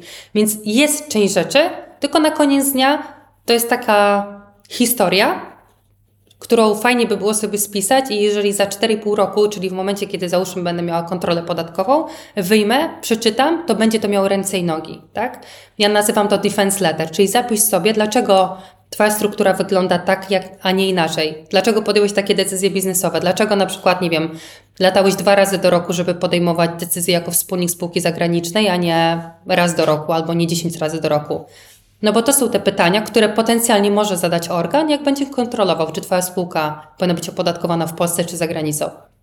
To jest takie trochę e, budowanie, e, jak w Stanach się Legendy. buduje historię kredytową. Nie, nie, bardziej mi chodzi o to, że e, jak nie masz historii kredytowej w Stanach, kolega mi mówił, Twitter mi odczytał, no to jest trochę tak, że, że, że nie funkcjonujesz w tym systemie i potem jak przychodzi do jakichś tam większych decyzji finansowych, to jest problem, bo człowiek nie ma historii. Więc ludzie kolekcjonują małe, małe raty, na, a to na mikrofalówkę za 100 dolarów albo coś, po to tylko, żeby mieć historię kredytową, żeby mieć jakieś historię spłacalności mm, kredytu. To tutaj ja to widzę tak jak kolekcjonowanie umów. Wystar- jak się nazbiera wystarczająco dużo umów, które mają sens, tak, nie są od czapy, to to ma ręce i nogi. Tworzy się substancja biznesowa. W ogóle określenie substancja biznesowa zostanie ze mną na zawsze i jest to moje nowe, naj, najulubieńsze słowo, w ogóle po, pojęcie. To jest, to jest to jest niesamowite, a bardzo mi się podoba jeszcze ten defense letter, bo jak to, to jest taki, mam wrażenie, model mentalny, który jak się zaimplantuje sobie w głowie, to on bardzo pomaga funkcjonować. Taki to jest y, azymut po prostu, y, al, algorytm postępowania na tym danym obszarze, no bo są jeszcze inne tam obszary. Mam jeszcze pytanie, Dorota. A czy jesteśmy w stanie tak, żeby to było takie bardziej... Mm, no, jeżeli ktoś otwiera projekt Web3 y, i, i chce się zastanowić, gdzie go otworzyć, to czy możemy zawęzić na przykład wybór do jakichś, nie wiem, trzech czy pięciu y, takich lokalizacji, które są takie najpopularniejsze? No bo była Estonia, była Szwajcaria, y, taki właśnie urban legend to są jakieś Kajmany, Bahamy wiemy jak, tylko tam podobno więzienia są słabe. Pan SBF mówił, że tam średnie jest więzienie, jak już coś pójdzie nie tak. Średnio czy... z dietą wega jest. Właśnie. To są jakieś takie jurysdykcje, które, że tak naprawdę rozpatrujemy pięć, a nie 60? Mhm. Wiecie, to może inaczej powiem, bo nie chciałabym, żeby to zostało komuś w głowie. Wiem, że ludzie bardzo lubią, zwłaszcza jak prawnik mówi, lubią przywiązywać się do rad i lubią się przywiązywać do liczb. Zarówno jeżeli chodzi o kwoty, jak i o daty. Więc powiem, jakie jurysdykcje najczęściej się pojawiają. Rzeczywiście, jeżeli chodzi o offshore, może inaczej. Ja sobie dzielę jurysdykcji, jurysdykcje e, na trzy rodzaje. Pierwsza to są takie egzotyczne offshory, które wciąż są bardzo popularne, ale widzę z nimi kilka ryzyk, ryzyk podatkowych i regulacyjnych. Natomiast jeżeli projekt naprawdę jest bardzo ciężki, nie wiem, klient bardzo się upiera, no to są możliwe do zrobienia w różnych konstelacjach i to jest e, BVI.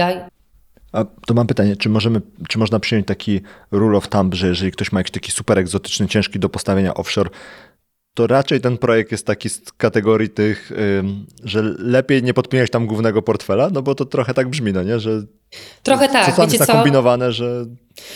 Ja na przykład współpracowałam z projektami, które miały spółki projektowe na offshore'ach, ale często to było tak, że właśnie ktoś im poradził, że tak będzie łatwiej, a nie dlatego, że to była świadoma decyzja biznesowa. Oczywiście, wiecie, każdy, kto prowadzi działalność biznesową, no nie powinien się zasłaniać tym, że o, ja nie wiedziałem, tak, no bo wchodzisz w jakiś rynek, zdobądź wiedzę do etykusie i wtedy zaczynaj działać. Natomiast mm, moje podejście jest takie, jak coś jest na bardzo daleko, to znaczy, że chcę to ukryć i to znaczy, że ja bym w coś takiego nie zainwestowała albo nie wchodziłabym w to. Mogę więcej zapłacić, ale chcę mieć pewność. Trochę tak jak wiecie, no, kupuje się buty. Można kupić Adidaski, które tylko z nazwy są Adidasami, a można kupić jakieś oryginalne buty, no bo chcemy coś jakościowego, tak? Nie zawsze kierujemy się tym, bo jest taniej i łatwiej, tylko kierujemy się innymi czynnikami, które dają nam jakiś taki komfort, że zapłacę, ale będę miał i będę zadowolony. Więc trochę tak jest z projektami, że są te offshore'owe mm, regulacje, te offshore'owe jurysdykcje, które znam projekty większe, mniejsze, które tam są e, zarejestrowane, ale dla mnie to jest zawsze taki desygnat tego, że trzeba uważać, co to jest za projekt. Na koniec dnia będę ścigała jakąś fundację, tak? która albo jeszcze jakaś fundacja, pod którą jest coś innego, albo spółka, w której Na Wyspach tak naprawdę. Świętego Marszala. Tak, więc nig, nigdy nic z tego nie uzyskam. Więc jeżeli nie jestem mentalnie jakoś przywiązana do tej kasy, no to, to mogę tam zainwestować. Okej. Czyli BVI, Cayman Islands. Drugi rodzaj to są ym, kraje blisko Unii, ale jednak y, poza y, i są popularne. Jeden pozytywnie odbierany, czyli Szwajcaria, a drugi troszkę gorzej odbierany, ale też swego czasu dość mocno popularny, Gruzja.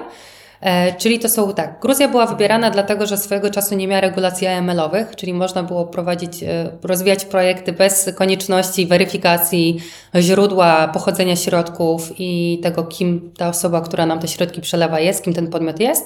E, I po drugie, że w ogóle nie było, żadne tokeny nie były uznawane za security. Jedyny problem, jaki tam był, to był z tokenami NFT, ale powiedzmy tam raczej lokowały się projekty bez tokenów NFT. E, I trzeci rodzaj e, jurysdykcji to są, mówię, te jurysdykcje e, europejskie wewnątrz Unii Europejskiej, które są mocno popularne z, z różnych względów. Wciąż wśród projektów, które znam, przoduje Estonia. Pojawia się Litu- Lituania, mówię, Litwa. Litwa z uwagi na licencję WASP-ową, którą dość łatwo jeszcze można zdobyć. E, Zmieniają się regulacje od 1 stycznia. E, Czasem pojawia się WASP to jest Virtual Asset Service Provider. To jest e, podmiot, który prowadzi działalność związaną z kryptowalutami pod MIKO, czyli nową regulacją i pewnie Maciek będzie chciał o to zapytać, albo Ty Łukasz. Pod nową regulacją MIKA będzie to jako CASP funkcjonowało, czyli Crypto Asset Service Provider. Natomiast na Litwie póki co się nazywa to WASP. Więc Estonia, Litwa chyba takie najbardziej popularne. I czasem Malta z uwagi na e, taką przychylność co do projektów, w których pojawiał się jakiś tam element gamblingowy, Gamblingu. tak? Czyli na przykład tak, dajemy nasze NFT, to w, e, to w wspólnej puli trafia, potem jest losowanie i tam jedno NFT, a może wylosować tam 10 i tak dalej. Więc często takie projekty lądowały na Malcie. Minusem Malty jest to, że i tutaj wybaczcie wszyscy nasi partnerzy z Malty, ale są Maltańczycy troszkę leniwi e, i trochę oporni w kontakcie, więc e, czasem ten kontakt jest, nie mówię tylko o e, prawnikach czy, czy tutaj doradcach podatkowych, ale generalnie cały system jest mocno leniwy. I coś, co na przykład w innym kraju nam zajmuje 8 tygodni, na Malcie czasem 4 miesiące albo dłużej. Na przykład, nie wiem, weryfikacja klienta i założenie spółki. A Stany? Jeszcze zanim Maciek Mamy powie. kilka projektów, mamy kilka projektów w Stanach, ale raczej to jest na zasadzie, ok, to zróbmy projekt tu, zbierzemy kasę, no i wtedy docelowo będziemy funkcjonować na rynku amerykańskim. Więc jest taką ciekawostką, jest w Stanach regulacja i to jest pierwsze regulowane DAO. To jest DAO w stanie Wyoming, które jest rejestrowane jak LLC, czyli Limited Liability Company. I funkcjonuje trochę podobnie jak, jak spółka. Nie jest to takie typowe DAO, czyli anonimowe, bez reprezentanta, e, które w zasadzie może prowadzić każdą działalność, no bo przecież DAO jako zdecentralizowana, e, anonimowa organizacja no nie może e, nie wiem, wnieść o licencję, pomimo że DAO prowadzi działalność licencjonowaną, czy nie może zapłacić podatku, no bo jak zapłaci podatku, skoro nie ma osobowości prawnej, to DAO amerykańskie jest znacznie inne. Tam rzeczywiście jest zarejestrowany w specjalnym rejestrze, jest reprezentant, są członkowie zarejestrowani.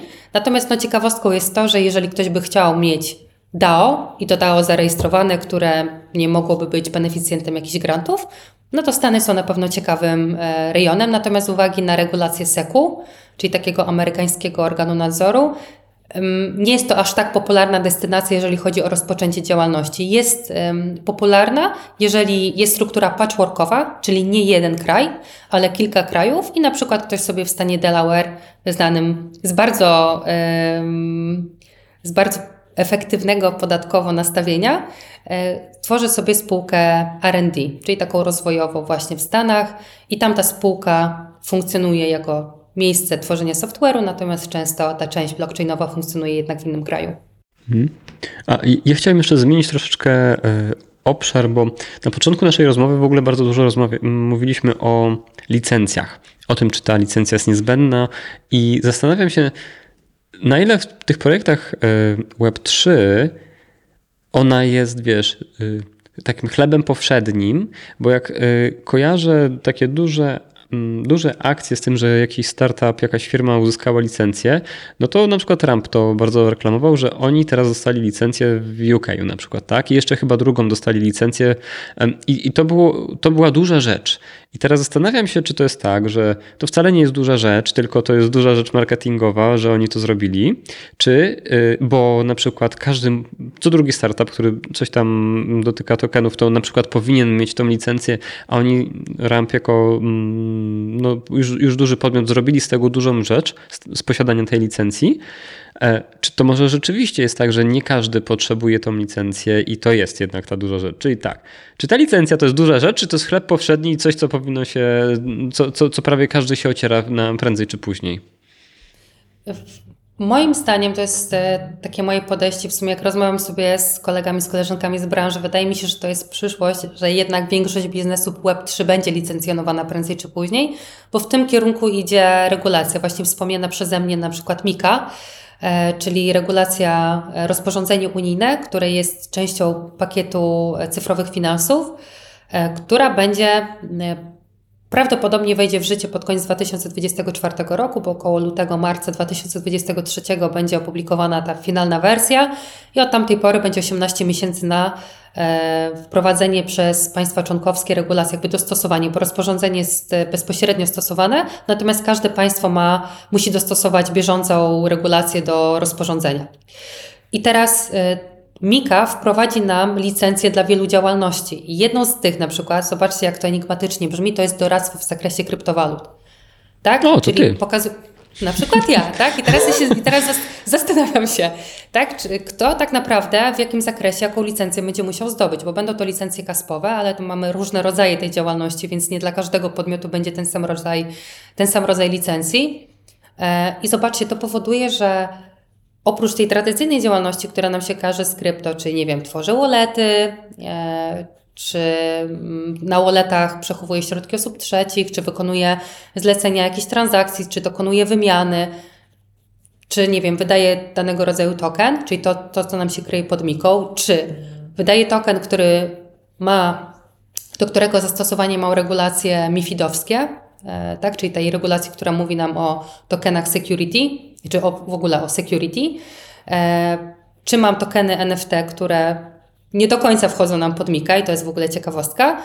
Po pierwsze, muszę zobaczyć, czy będę miał tą licencję, która wynika mi z tradycyjnych przepisów e, rynku finansowego, czyli w Unii to jest MIFID, regulacje krajowe, czy będę miał tą e, licencję z MIKI, czyli tą kaspową, jeżeli tak, to którą, która może być paszportowana, czyli może mając licencję w jednym kraju mogę to, tę działalność wykonywać na terenie Unii Europejskiej, czy mam NFT, czyli tak do końca nie wiem, pod co się łapie, Mm, bo wciąż do końca nie wiadomo, jak interpretować e, te przepisy.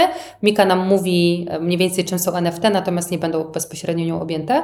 I to powoduje, że tak naprawdę, czy w jedną, czy w drugą stronę, okazać się może, że będę miał licencję. I teraz licencja jest demonizowana przez rynek Web3, bo rzeczywiście ona powoduje, że musimy wnieść o e, wydanie tej licencji, musimy spełnić dane wymogi. Oprócz wymogów finansowych, czyli spółka musi mieć na zabezpieczone jakąś tam kwotę i w zależności od kraju te kwoty są mniejsze lub większe, mm, musi również przedstawić na przykład e, potwierdzenie znajomości przez osób, które kierują spółką, regulacji związaną z, z kryptowalutami, tak, czy z rynkiem finansowym. Co powoduje, że to jest Kolokwium dobre, że. No, bardziej mieć dokumenty w razie czego, żeby jak będzie kontrola organu nadzoru, żeby pokazać, nie wiem, skoro robimy jakieś szkolenie lub ileś tam lat już działam w, na tym rynku. Co tak, jak sobie myślimy, to w sumie nie jest nic złego, bo jeżeli miałabym oddać dużą część swojego majątku na jakąś, jakieś giełdy albo kupić jakieś tokeny w cudzysłowie inwestycyjne, no to chciałabym mieć pewność, że jeżeli ta spółka zdecyduje się zawinąć, no to nie zawinie się z małą kasą, tylko jest jakieś tam, środki są zabezpieczone, że przynajmniej część odzyskam, tak? Wiadomo, że to jest To, to przynajmniej chłopaki kurs kwota. zrobili. To przynajmniej tak. Ale wiecie, to jest, to jest tak, że lepiej tak niż inaczej, więc ja tak sobie myślę, że em, licencja nie jest niczym złym i zawsze mówię, że nie jest niczym złym. Oczywiście większość klientów jednak woli tak e, sobie ten swój model biznesowy ukształtować, żeby w razie czego nie musieć tej licencji mieć, e, przynajmniej na start, no bo chcą wystartować, zarobić kasę i wolą mniej tą działalność w mniejszym zakresie prowadzić, a potem w międzyczasie wnieść o licencję. Natomiast wydaje mi się, że za 5 lat będziemy mówić o zupełnie innym rynku, kiedy tak jak działalność fintechów tradycyjnych, które wymagają większości licencji, no to samo będziemy widzieć na rynku Web3. I nie jest to nic złego, bo myślę, że tak samo jak e, świadomość wśród em, ludzi, którzy operują na tym rynku, czyli founderów, jest coraz większa, tak myślę, że w drugą stronę e, podmioty, tak, czy tam ustawodawca, czy organy, które jednak dbają, jakby tworzą ten rynek od strony regulacyjnej, czy potem wykonawczej, też się uczą tego rynku, więc wydaje mi się, że te przepisy będą bardziej przychylne wobec projektów Web3. A to myślisz, Dorota, że te takie romantyczne czasy tworzenia projektów na zasadzie właśnie dwóch nastolatków e, zrobiło coś tam, bo umieli zakodować smart contract, przez przypadek to wystartowało i oni zarobili kupę pieniędzy i potem musieli ją jakoś tam nie wiem, przetransferować, zalegalizować, że one się skończyły, że tak naprawdę teraz ten próg wejścia do tego, żeby robić jakiś projekt w Web3 będzie na tyle duży, że albo trzeba być już doświadczonym, albo zasobnym e, jakimś, no nie wiem, founderem slash inwestorem, żeby w ogóle cokolwiek w tym Nie, obszarze zrobić? uważam, uważam, że piękno Web3 polega na tym, że no, jakby całe u podnóży tej technologii stało to, że to była technologia dla, przez ludzi, dla ludzi tworzona. Ona miała powstać po to, żeby em, ograniczyć ingerencję tej zaufanej strony trzeciej, czyli tych dużych instytucji, pomiędzy interakcji, ingerencji tych ludzi w interakcji, ingerencję tych organów w interakcję między ludźmi, którzy operowali w Web3, tak?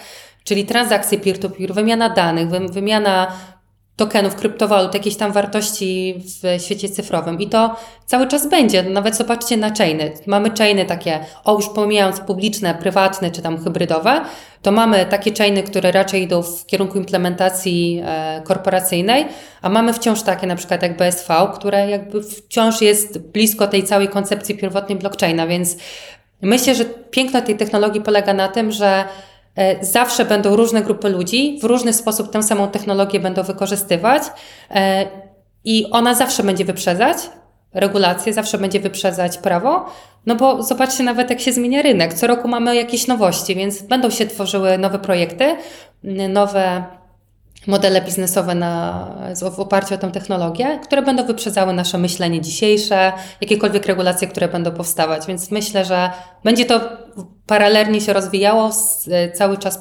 będzie przodowało rozwój technologii nad prawem. Ale to, ale to wierzysz, że, że faktycznie te projekty będą na tyle innowacyjne i też takie mm, stałe, takie sustainable, że one będą faktycznie funkcjonowały? No bo wiesz, ta ostatnia hossa pokazała trochę taką, znaczy raczej koniec tej hossy pokazał taki obraz, że wydawało się, że jest dużo nowych pomysłów na modele biznesowe, na nowe projekty, na nowe rozwiązania, na różne takie działania, które nie przetrwały czasu spadków. To znaczy, że okazało się, że one głównie funkcjonowały na hypie i na tym takim mechanizmie Ponzi, że nowi spłacali starych, no nie?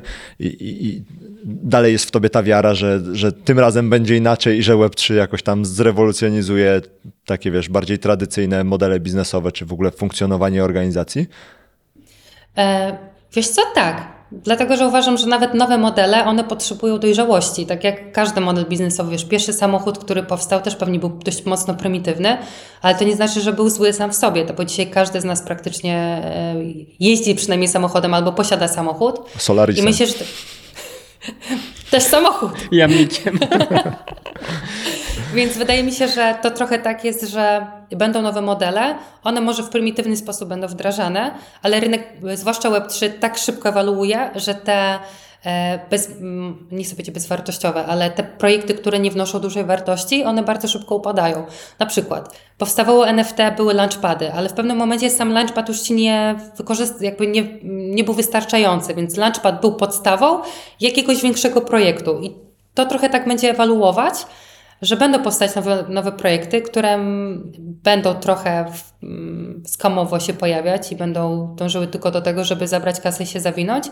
Natomiast chyba świadomość nas wszystkich, mam wrażenie, jest coraz większa, bo wchodzą coraz to nowe osoby, a te, które już są w rynku Web3, czy jako inwestorzy, mniejsi czy- więksi, no nabierają doświadczenia, no bo raz się sparzyli, no bo zainwestowali w jakiś skam, no to drugim razem sprawdzą, tak? No, A macie jakiś taki sposób na jakąś politykę, że na przykład nie obsługujecie klientów, którzy tworzą projekty Tak. skamowe, że z daleka wyglądają Tak. na skam?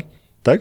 Tak. I jak się, Tak. jak się jakby, jak przebiega proces y, ewaluacji y, kogoś, kto przychodzi? Filtrowania.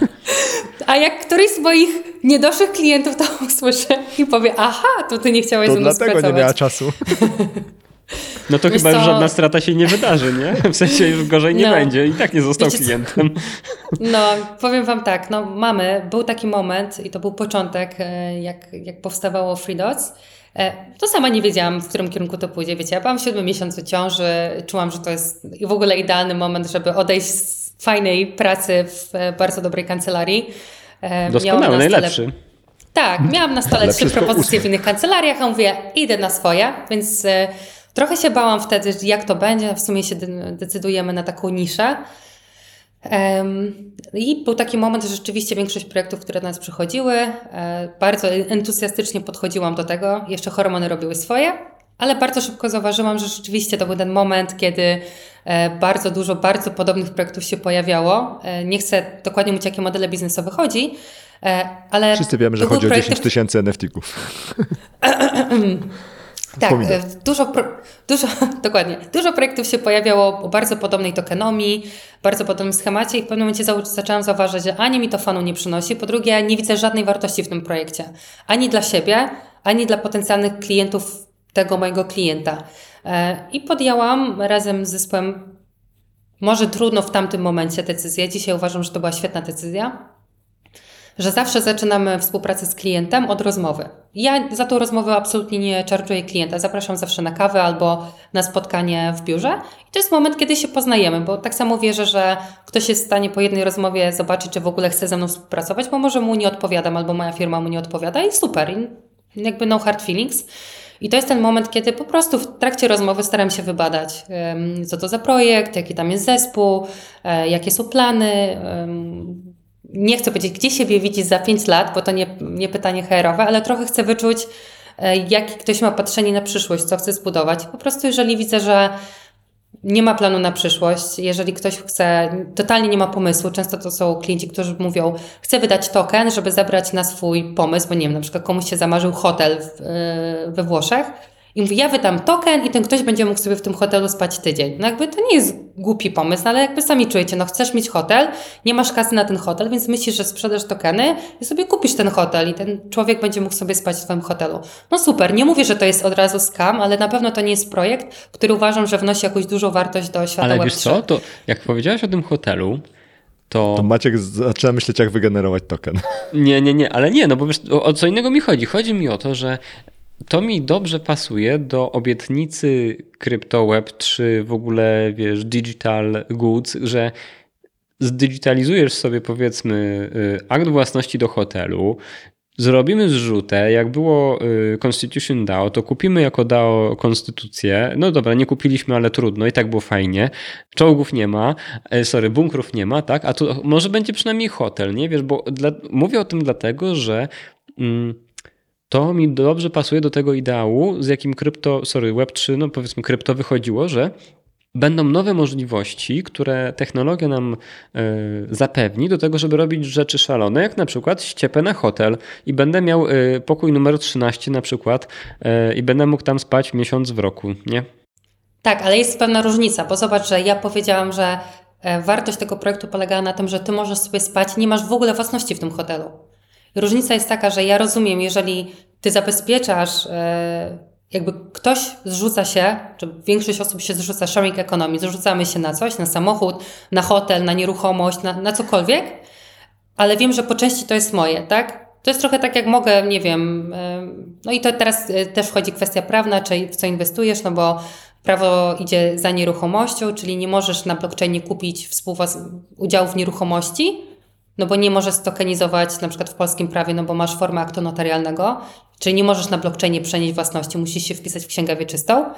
E, ale na, załóżmy, są takie modele, że rzeczywiście my na przykład mamy klientów, którzy tokenizują nieruchomości, ale tokenizujemy to w inny sposób i ta obietnica dla e, inwestora jest większa, no bo dostaje coś więcej niż to, że ma token, który jest voucherem, że kiedyś, jeżeli powstanie hotel, na który się dorzucił, do którego nie ma prawa własności, jeżeli powstanie, no to będzie sobie mógł tam przez tydzień spać. To jest ta Czyli różnica, że I if na ifie, e, zanim będę mógł spać, nie? A to, ale to, okej, to, to, to jest ciekawe, to pociągnę dalej. To w takim razie potraktujmy taki hotel jako gated community, że NFT na przykład jest twoim kluczem do tego pokoju i ty będziesz mogła, e, czy mógł, e, drogi słuchaczu, sobie tam po, poprzebywać i twoim, twoim kluczem będzie to NFT na przykład, nie? No i znowu, mamy, ja tak trochę, wiesz, pod włos tutaj zadaję to pytanie, super.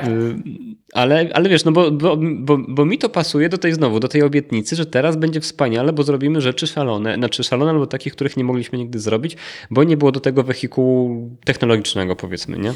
Mhm. Ale I gdzie tu teraz jest szaleństwo?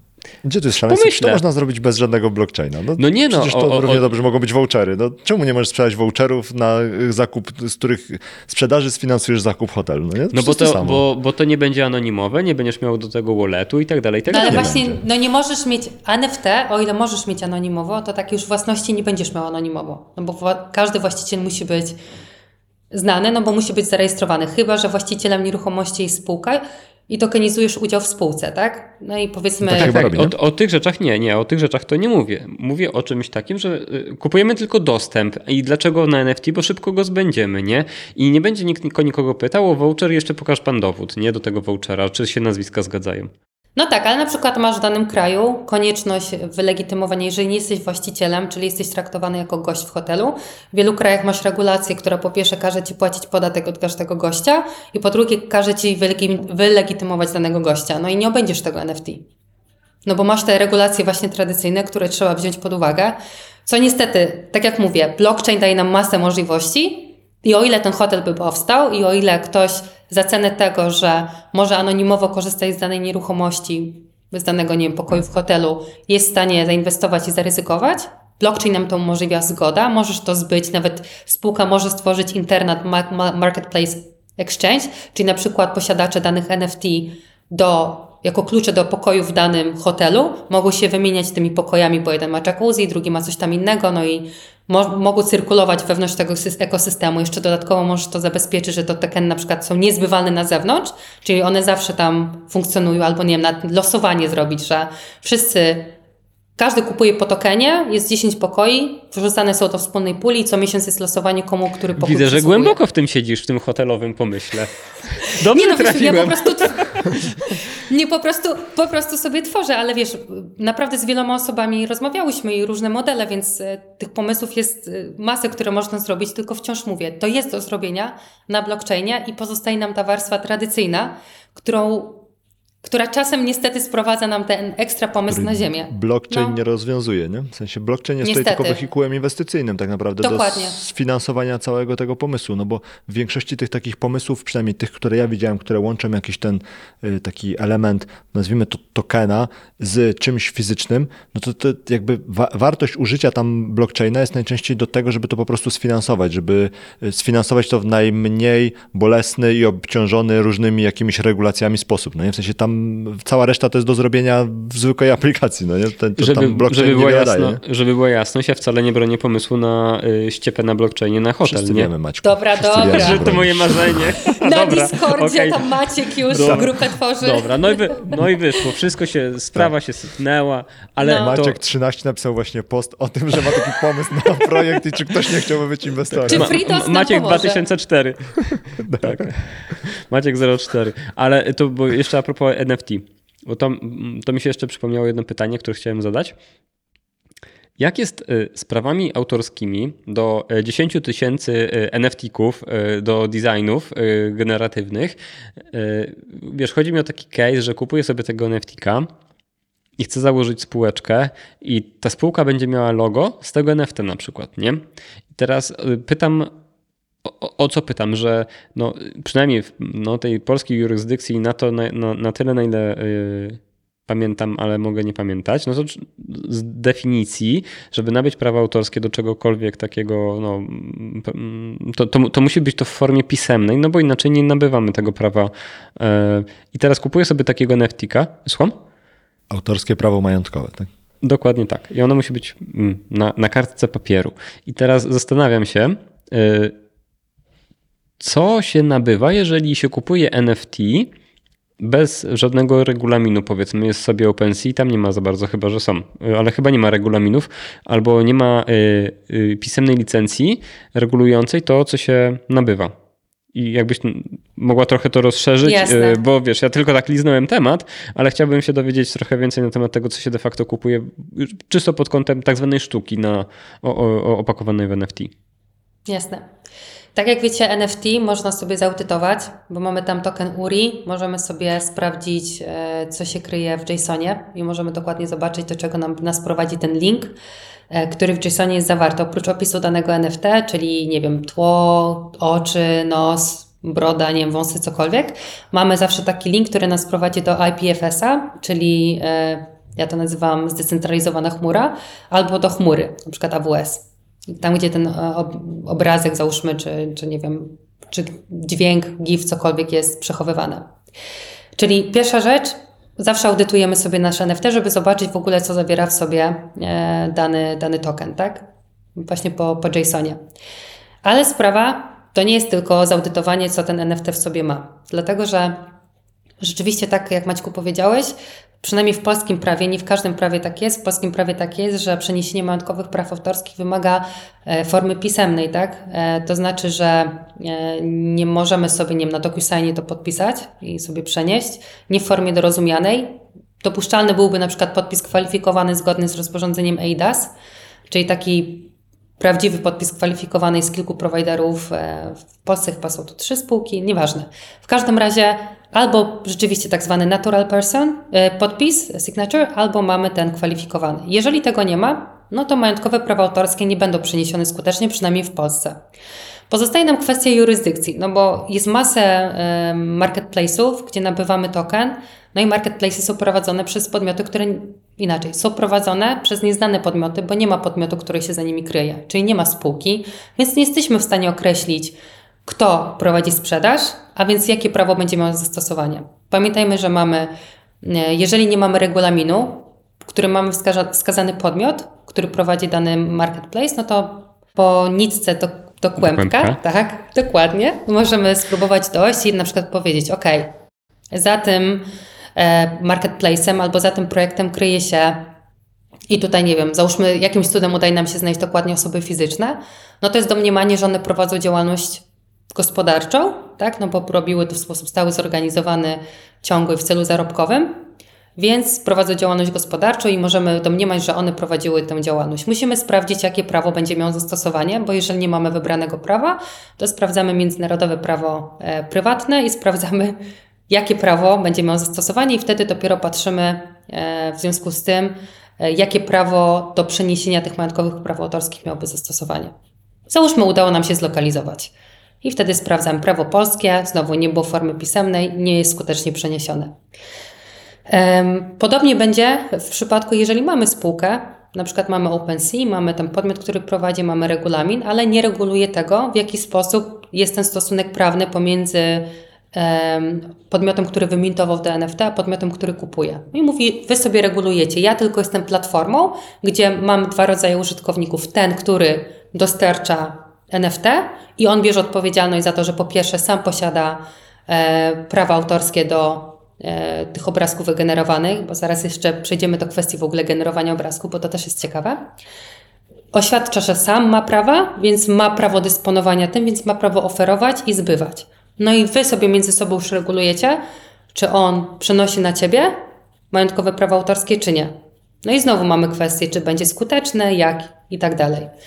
No i mamy jeszcze cofnijmy się. Mamy projekt, który chce wydać swoją e, edycję e, NFT. No i twierdzi, że skupuje sobie obrazki z internetu. Tak? Albo inaczej, weźmy sobie kilka tak zwanych warstw, no bo często obrazki NFT były tak tworzone, że były warstwy i algorytmicznie program, kod algorytmicznie losował, nakładał na siebie te warstwy i w ten sposób były tworzone te obrazki. Część było tworzonych rzeczywiście przez grafików i to często były te droższe obrazki, które były unikatowe całości, a większość obrazków powstawało w ten sposób, że na przykład mieliście warstwę oczu, warstwy właśnie nosa, nie wiem, buzi, czegokolwiek. Na przykład tak powstawały te najbardziej znane mopki, jakieś koty i tak dalej. Czyli te warstwy były przez program komputerowy losowane i na siebie nakładane i tak powstawały NFT. No i teraz, czy program komputerowy, e, czy programowi komputerow- komputerowemu przysługują jakiekolwiek prawa, czy ma osobowość prawną, tak? Kto stworzył? Czy ktoś kierował, skoro on sam to wytworzył? Kto ma w takim razie majątkowe prawa autorskie? W jaki sposób można dysponować takim, takim utworem? Więc do NFT jest bardzo dużo aspektów prawnych, które będą miały do zastosowania, które będą definiować, czy, czy były prawidłowo przeniesione, czy nie. Jeżeli miałabym to jakoś podsumować, co jest najbardziej istotne, to po pierwsze to, kupując NFT, patrzymy w jaki sposób kupujemy. Jeżeli kupujemy peer-to-peer, no to możemy sobie zautodować, zobaczyć, gdzie był, w jaki sposób był wcześniej nabywany, tak? Po, po transakcjach możemy sobie do tego dojść. I jeżeli dojdziemy do jakiegoś marketplace'u, możemy sobie sprawdzić, czyli jak było to pierwotne nabycie, na jakiej podstawie było to pierwotne nabycie. Kolejna rzecz, jeżeli kupujemy na marketplace, no to sprawdzamy regulamin, tak? E, Nasza praktyka była taka, że jak mieliśmy klientów, którzy sami tworzyli marketplace, to nasze regulaminy jasno wskazywały, co jest nabywane, co nie jest nabywane. No, stwierdziłyśmy, że skoro 90% projektów robi to niezgodnie z prawem, no to przynajmniej chcemy, żeby nasze projekty robiły to zgodnie z prawem i opisywałyśmy te prawa e, autorskie w regulaminach. Um, no i cóż, no i na koniec dnia pamiętamy, to jest blockchain, tak? I to są, to jest, e, to są relacje w sieci i ciężko jest w 100% doregulować. To jest tak, jakbyśmy chcieli uregulować internet, którego się nie da uregulować, więc możemy tylko odpowiadać na pewne potrzeby na bieżąco. Jeżeli widzimy, że coraz więcej em, dzieł, bo to jest digital product, tak? Bo czym jest NFT? No to już jest konkretny produkt. Oczywiście NFT może być odzorowaniem cyfrowym czegoś, co nabywamy jeszcze w świecie tradycyjnym, na przykład, nie wiem, y, kupujemy jakiś plakat fizycznie, dostajemy physical product, ale dostajemy do tego też NFT, czyli digitalowe odzwierciedlenie. Już pomijam, czy to jest, co to jest, tak? Czy to będzie jakiś utwór pochodny, czy to będzie inny utwór, czy jakkolwiek, to zostawmy sobie na bok, bo to jest inne rozważanie. Ale zobaczcie, że to jest trochę tak, że my musimy znowu zastanowić się, czy jesteśmy w 100%, w 100% e, zachować, nie wiem, formę, chociażby dla przeniesienia majątkowych praw autorskich zastosować na blockchainie. W jaki sposób możemy prawidłowo to przenieść, tak? I przede wszystkim, czy to prawo będzie międzynarodowo miało zastosowanie, a co z konsumentami, którzy i tak na Czy w Europie? A w Europie jest jakieś defaultowe rozwiązanie? No bo jeżeli tak na mój taki chłopski rozum, no to jak nie przenosisz jakiegoś dzieła w formie pisemnej na umowie, no to takim domniemanym sposobem tego, co ktoś kupił, płacąc za fakturę, zakładając, że zapłacił tą fakturę, jest licencja, tak? Że tak można chyba tak przyjąć, no nie, że jeżeli nie, nie kup, jakby nie przyniosło się tych majątkowych praw autorskich, no to dostało się licencję, no i teraz jest pytanie, jaką tą licencję, a czy w przypadku właśnie takiego zakupu losowego obrazka y, na takim OpenSea, y, to, to czy jest w ramach tych regulacji, jakiś tam, czy tej, tej miki nadchodzącej, czy czegokolwiek innego jest jakieś takie, że można przyjąć, że no skoro nic nie ma, to znaczy, że w pierwszej kolejności zakładamy, że jest X. Nie ma. Mika, tak jak powiedziałam, NFT jest, ma bardzo specyficzny status, bo w wielu krajach, e, na przykład nie wiem, właśnie Szwajcaria, czy wspomniana przeze mnie wcześniej Gruzja, e, nawet tokeny security są lepiej traktowane niż tokeny NFT. One mają bardzo dziwny status i tak samo zobaczcie, tak jak powiedziałam w Mice, też te NFT mają nieuregulowany status, więc one wciąż budzą dużo wątpliwości tylko dlatego, że e, oprócz standardu technologicznego, one różne rzeczy mogą reprezentować. Tak? Od, nie wiem, certyfikatu, na przykład nabywam nieruchomość właśnie aktem notarialnym, ale dodatkowo dostaję, nie wiem, kopię aktu notarialnego w NFT zaszytą, tak? Mogą być same w sobie produktem, więc nie wiadomo do końca, mogą, możemy do produktu, do jakiegoś obrazka dodać jeszcze, nie wiem, voting right, e, cokolwiek innego. E, tak jak powiedziałeś, z nim może być związana licencja, więc jakieś dodatkowe e, royalties. Bardzo dużo rzeczy może być, być przywiązanych do NFT, więc wbrew pozorom, pomimo tego, że to jest dość prosty token, bo większością się po prostu kojarzy z obrazkiem, regulacyjnie jest bardzo skomplikowany I to, jakie rozwiązanie będzie miało zastosowanie, nie zależy tylko od jurysdykcji, ale też właśnie od zastosowania, co dodatkowo z tym NFT jest związane. To, co powiedziałeś, rzeczywiście tak jest, że łatwiej jest udzielić licencji. Często też licencja jest udzielana domniemanie, tak? Jeżeli nie mamy przeniesienia, no to bywa, że domniemana jest licencja, którą możemy przenieść e, używając jakby dobrodziejstwa porozumiewania się na odległość. E, Więc jest to jakieś rozwiązanie, tyle że na koniec dnia niektórzy chcieliby mieć jednak własność tego, co kupują, skoro to jest e, niepowtarzalne. Znaczy, jak to jest wszystko takie skomplikowane, to czy widzisz jakąś taką drogę, która na początku której jesteśmy, ale widać przynajmniej w którą stronę idzie, która ma przynajmniej jakąś szansę tego, że jest w stanie wyregulować jakieś takie najpopularniejsze obszary dotyczące Web3, no bo o tej Mice mówi się już od dawien dawna. Mówisz, że ona wejdzie najprawdopodobniej w 24 i ona, z tego co mówisz, w ogóle nie dotyka tematu NFT, które jest jak to jest bańka krypto, to NFT to jest tak jedna trzecia, no nie, na przykład, albo coś takiego. No to, to ona dalej ma kolosalną dziurę w, śro- w środku, no nie? A to jest tylko tutaj na terenie Unii Europejskiej. To, widzisz w ogóle, że jest taka droga, że faktycznie ci regulatorzy tak e, okruszek po okruszku przechodzą przez te kolejne rzeczy po to, żeby je w jakiś tam sposób uregulować? Czy to jest tak jak w Stanach, że nikt nic nie wie, dlatego nikt nie robi projektów w Stanach, wszyscy uciekają gdzieś tam indziej i jest tylko jeden biedny Coinbase, który został i który robi najbardziej basicowe rzeczy, bo co, tu jest mi się, że, z grubsza e, bezpiecznie. Trochę jest tak, że regulatorzy będą na siebie nawzajem patrzeć i pewne dobre praktyki będą powielane dopiero wtedy, kiedy będą e, potwierdzone. I Zbanowanie wszystkiego będzie dobrą praktyką, którą potem wszyscy powielą. Ale zobaczcie, że trochę tak w krypto jest, że wszyscy, nie wiem, swego czasu gdzieś tam byli na Malcie, potem byli w Estonii, potem uciekali gdzieś indziej. Trochę mówię, to wynika z tego, że bo ktoś mi powiedział, więc idę tak jak większość, tym samym tropem, nie patrząc na to, że mój biznes, model biznesowy może być trochę różny. Wydaje mi się, że to e, praktyka będzie tworzyła, e, może inaczej, działania projektów będą tworzyły praktykę regulatorów. E, I jedni będą musieli zwabić projekty, takie, no tak jak często bywa, małe państewka, e, Gibraltar, właśnie Estonia, no nie mają za bardzo z czym konkurować z dużymi gospodarkami, więc znajdują sobie takie poletko, o które dbają i zapraszają tym do siebie projektów. I myślę, że takie kraje to będą te, które jako pierwsze będą wchodziły w te kwestie regulacyjne i będą starały się tworzyć jasne, ale też e, przyjazne regulacje dla projektów krypto czy dla NFT, no patrzmy, że na koniec dnia e, mamy właśnie konsumentów, którzy będą zawsze chronieni przynajmniej w tym samym stopniu, w jakim są chronieni w państwie, z którego pochodzą, no bo na tym polega prawo konsumenckie.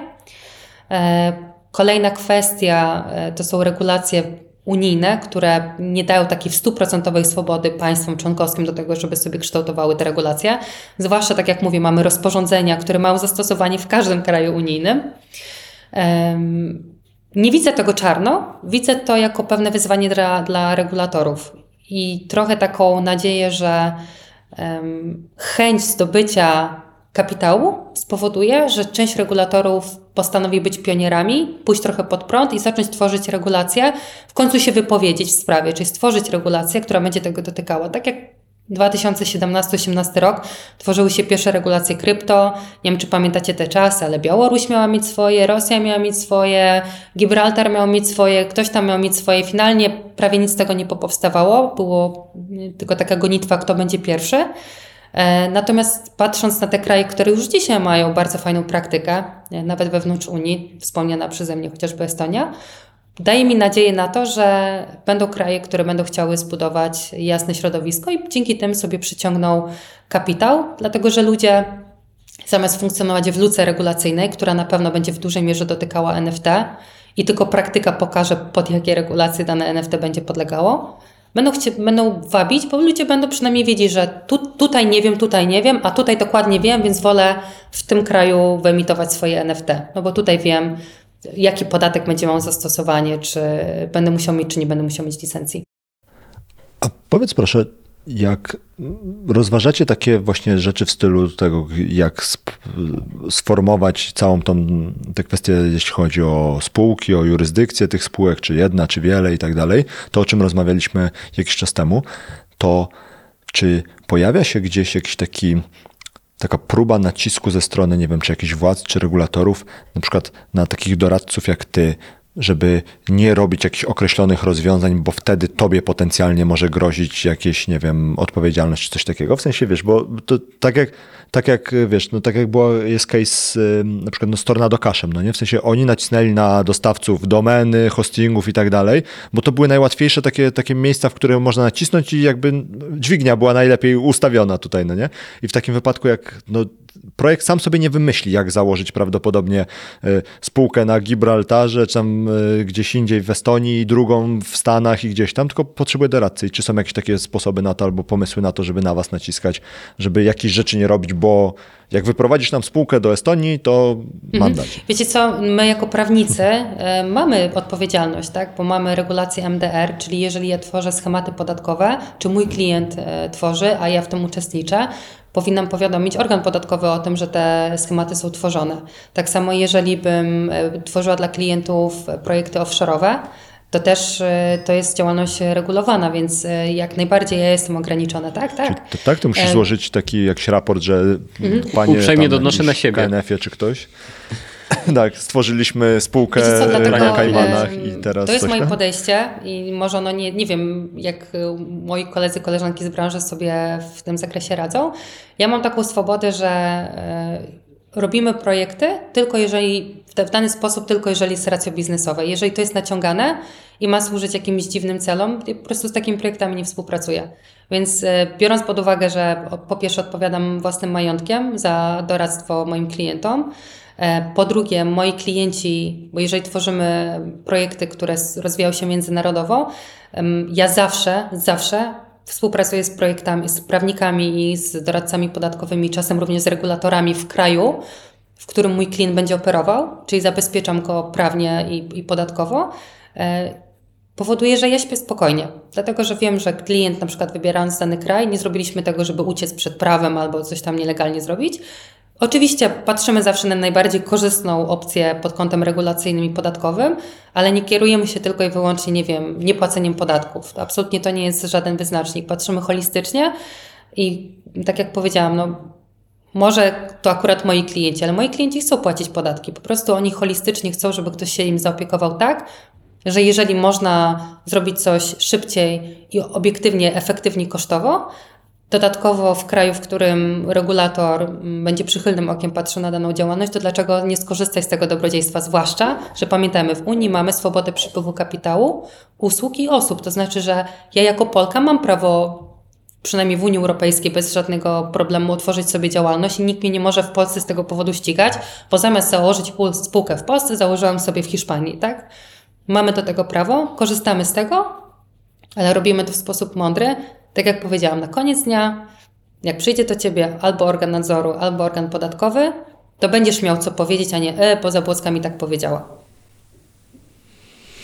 Okej. A jak patrzysz na te wszystkie kwestie właśnie takie regulacyjne, unijne? No bo wiesz, na, generalnie mam takie przynajmniej wrażenie, ale to jest raczej z Twittera niż z rozmów z ludźmi, ale mam takie wrażenie, że jest taka niechęć do Unii Europejskiej, do tej takiej wolnego procedowania, do tego wszystkiego, co się uciera w, tych, w ramach tych wszystkich negocjacji, to trwa miesiącami albo wręcz latami i to wszystko trwa strasznie długo.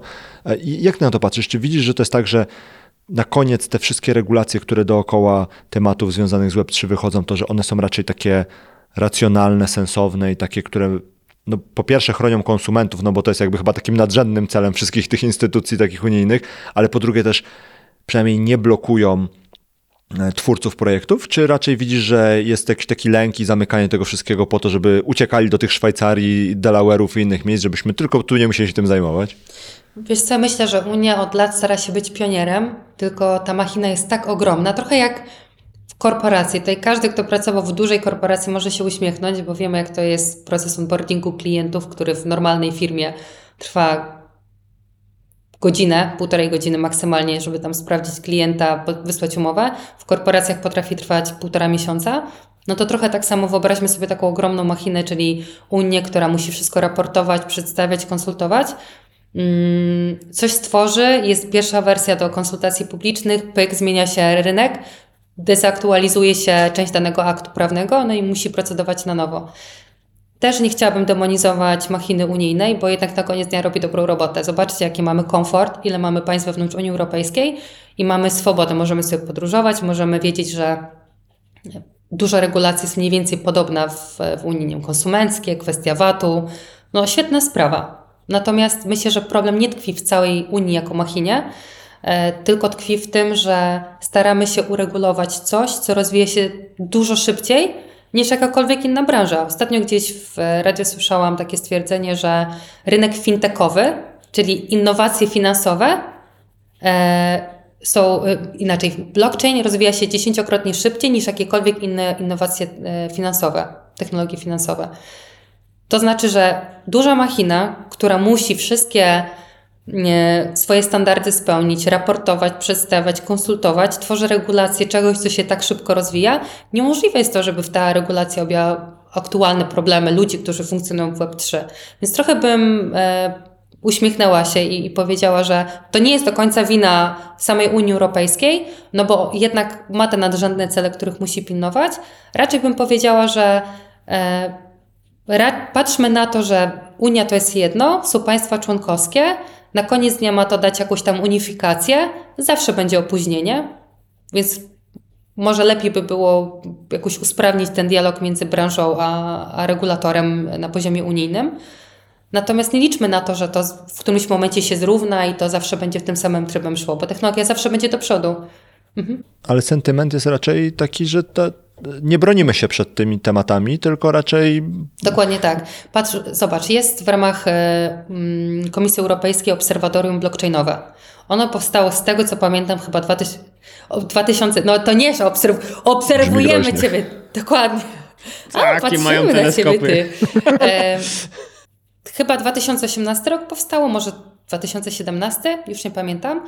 E, Swojego czasu można było się w ogóle tam zgłaszać jako ekspert, ale co to pokazuje? Unia się przygląda, Unia nie mówi nie, chce stworzyć regulacje, które trochę połączą tych e, kryptoświrów. Trochę się śmieję, bo niektórzy, niektórzy moi klienci tak siebie określają. Digenów. A, to właśnie też. Ja ostatnio byłam określona e, Degen prawnik. Nie wiem, czy to był komplement, czy nie. Nie brnijmy, e... nie brnijmy. nie idźmy tą właśnie, nie idźmy tą, tą drogą. To się wytnie. Stop, wracajmy na ścieżkę. Tak, natomiast e, myślę, że oni po prostu obserwują, wiedzą, czego muszą pilnować. Muszą pilnować konsumentów, spójności regulacji wewnątrz Unii. Dlatego te regulacje są średnie, no mierne są, tak? No jak można pisać regulacje dotyczące rynku kryptoaktywów i nie uwzględnić NFT? No i teraz masz dziurę. Masz albo MIFID, czyli security, albo masz cztery rodzaje tokenów i nie łapie ci się w to jeden z najbardziej popularnych tokenów, czyli NFT. No dziwne to jest, tak? Natomiast Raczej bym powiedziała tak, e, patrzmy na to, co się dzieje wewnątrz danych krajów i staramy się zawsze patrzeć, że Unia to jest tak jakby preludium, tak jakbyśmy może inaczej wybrali się do food courtu i to jest Unia Europejska i potem dopiero wybieramy sobie to, co nam najbardziej odpowiada już wewnątrz tego food courtu, tak, jako danej jurysdykcji, czyli to, co nam najbardziej będzie z różnych względów odpowiadało. I na to powinniśmy patrzeć. A Dorota, jak patrzysz na projekty i na wszystkie te rzeczy, które gdzieś przepływają przez twoją, twój, twój butik, chciałem powiedzieć kancelarię, ale zastanowiłem się przez chwilę, czy to y, powinienem tak Co używać. Co chcesz powiedzieć, tak? Właśnie.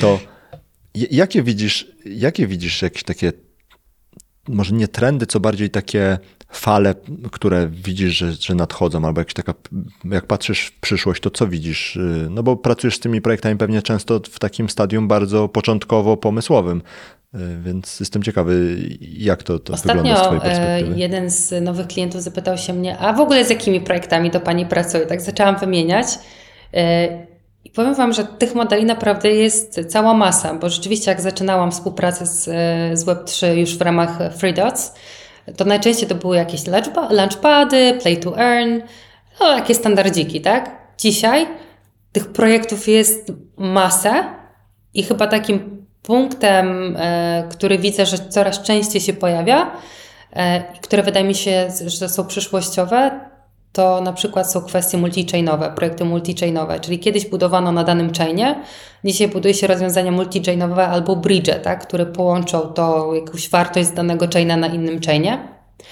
Kolejna kwestia to są em, elementy, które sprowadzają świat tradycyjny. Nie chcę powiedzieć Web 2, bo to nie chodzi tylko o konsumpcję kontentu, tylko w ogóle o ten świat na, tradycyjny, który wprowadzają do Web 3. Czyli na przykład mamy już jakiś tradycyjny. Hotele, Dobrze, Maćku, porozmawiamy o tych hotelach później, spokojnie. To już Włoszech. offline. Zajmiemy się. Maciek już E, wygooglował tak, kamienicę. Więc, e, jakby wprowadzanie tych, łączenie świata tradycyjnego ze światem Web3, czy to poprzez tokenizację, zresztą wiecie, to jest model już e, przejedzony, tylko mówię bardziej, że w, w czasach bear marketu, rynku niedźwiedzia, kiedy ludzie trochę boją się trzymania wszystkich asetów w krypto, chcą trochę zdywersyfikować e, swoją, swój portfel i szukają inwestycji tradycyjnych. Więc jest dużo projektów, które wracają do, Tokenizowanie obligacji skarbowych. Dokładnie tak, skąd wiedziałeś? E, Jest coś takiego, że szuka się inwestycji w rynku tradycyjnym, które można połączyć z tym światem Web3, więc to też widzę. E, I trochę chyba powrót do, do korzeni, tak? czyli właśnie do projektów anonimowych, tak? czyli bez KYC, czyli dużo takich projektów e, właśnie tak typowo zdecentralizowanych, dużo DAO się tworzy przy projektach i to nie DAO typu haha, stworzymy sobie DAO, sami tam będziemy i będziemy udawać, że to jest prawdziwe DAO, tylko takie prawdziwe DAO dla community, czyli tworzenie projektów i rozwijanie projektów, a potem oddanie, żeby community decydowało o tym, co się z danym projektem dzieje. Mogłem zadać to pytanie wcześniej, bo widzę tutaj przynajmniej z pięć różnych ścieżek, którymi moglibyśmy porozmawiać następne dwie godziny, ale czas nam już się kończy, więc y, może y, utnijmy tą rozmowę w tym momencie. Y, Tak jeszcze tylko tytułem końca. Dorota, czy jest coś, czego ty albo twoja kancelaria, butik szukacie, jakiegoś miejsca, y, w sensie wiesz, jak rozmawiamy z projektami takimi, które mają jakiś komponent deweloperski, to nie wszyscy szukają deweloperów, więc się śmiemy, y, gdzie y, odesłać w notatkach naszych słuchaczy, jakby szukali pracy w projekcie, ale może ty też masz coś takiego, gdzie, gdzie wiesz, takie jasne. dwa słowa na to. Do co- projektów nie bójcie się prawników, nie bójcie się e, podatków e, ani, ani regulatorów. Naprawdę to też są na koniec dnia ludzie, I takie zapłacicie. Dokładnie. E, Na koniec dnia to są, jesteśmy wszyscy ludźmi i zawsze jest możliwość, żeby fajnie, biznesowo i zgodnie z prawem zrobić projekt. E, Także gdziekolwiek jesteście, e, poszukajcie osoby, której będziecie mogli w 100% zaufać, bo jestem przekonana, że taka osoba pomoże Wam Wasz projekt z sukcesem przeprowadzić, nadając dodatkowej wartości. A do młodych adeptów sztuki prawniczej, tudzież e, miłośników podatków, jeżeli szukacie nowych wyzwań, właśnie w świecie nowych technologii, znajdźcie mnie na LinkedIna i napiszcie na priv. Z przyjemnością się z Wami zdzwonię, być może będzie pole do współpracy. Okej, super. To zostawię w tam w notatkach wszystkie linki, które są potrzebne. Y, I Dorota, dzięki śliczne za rozmowę i za tutaj y, próbę rozwikłania Cała w naszych głowach tych wszystkich trudnych tematów. Y, Dzięki śliczne i do zobaczenia gdzieś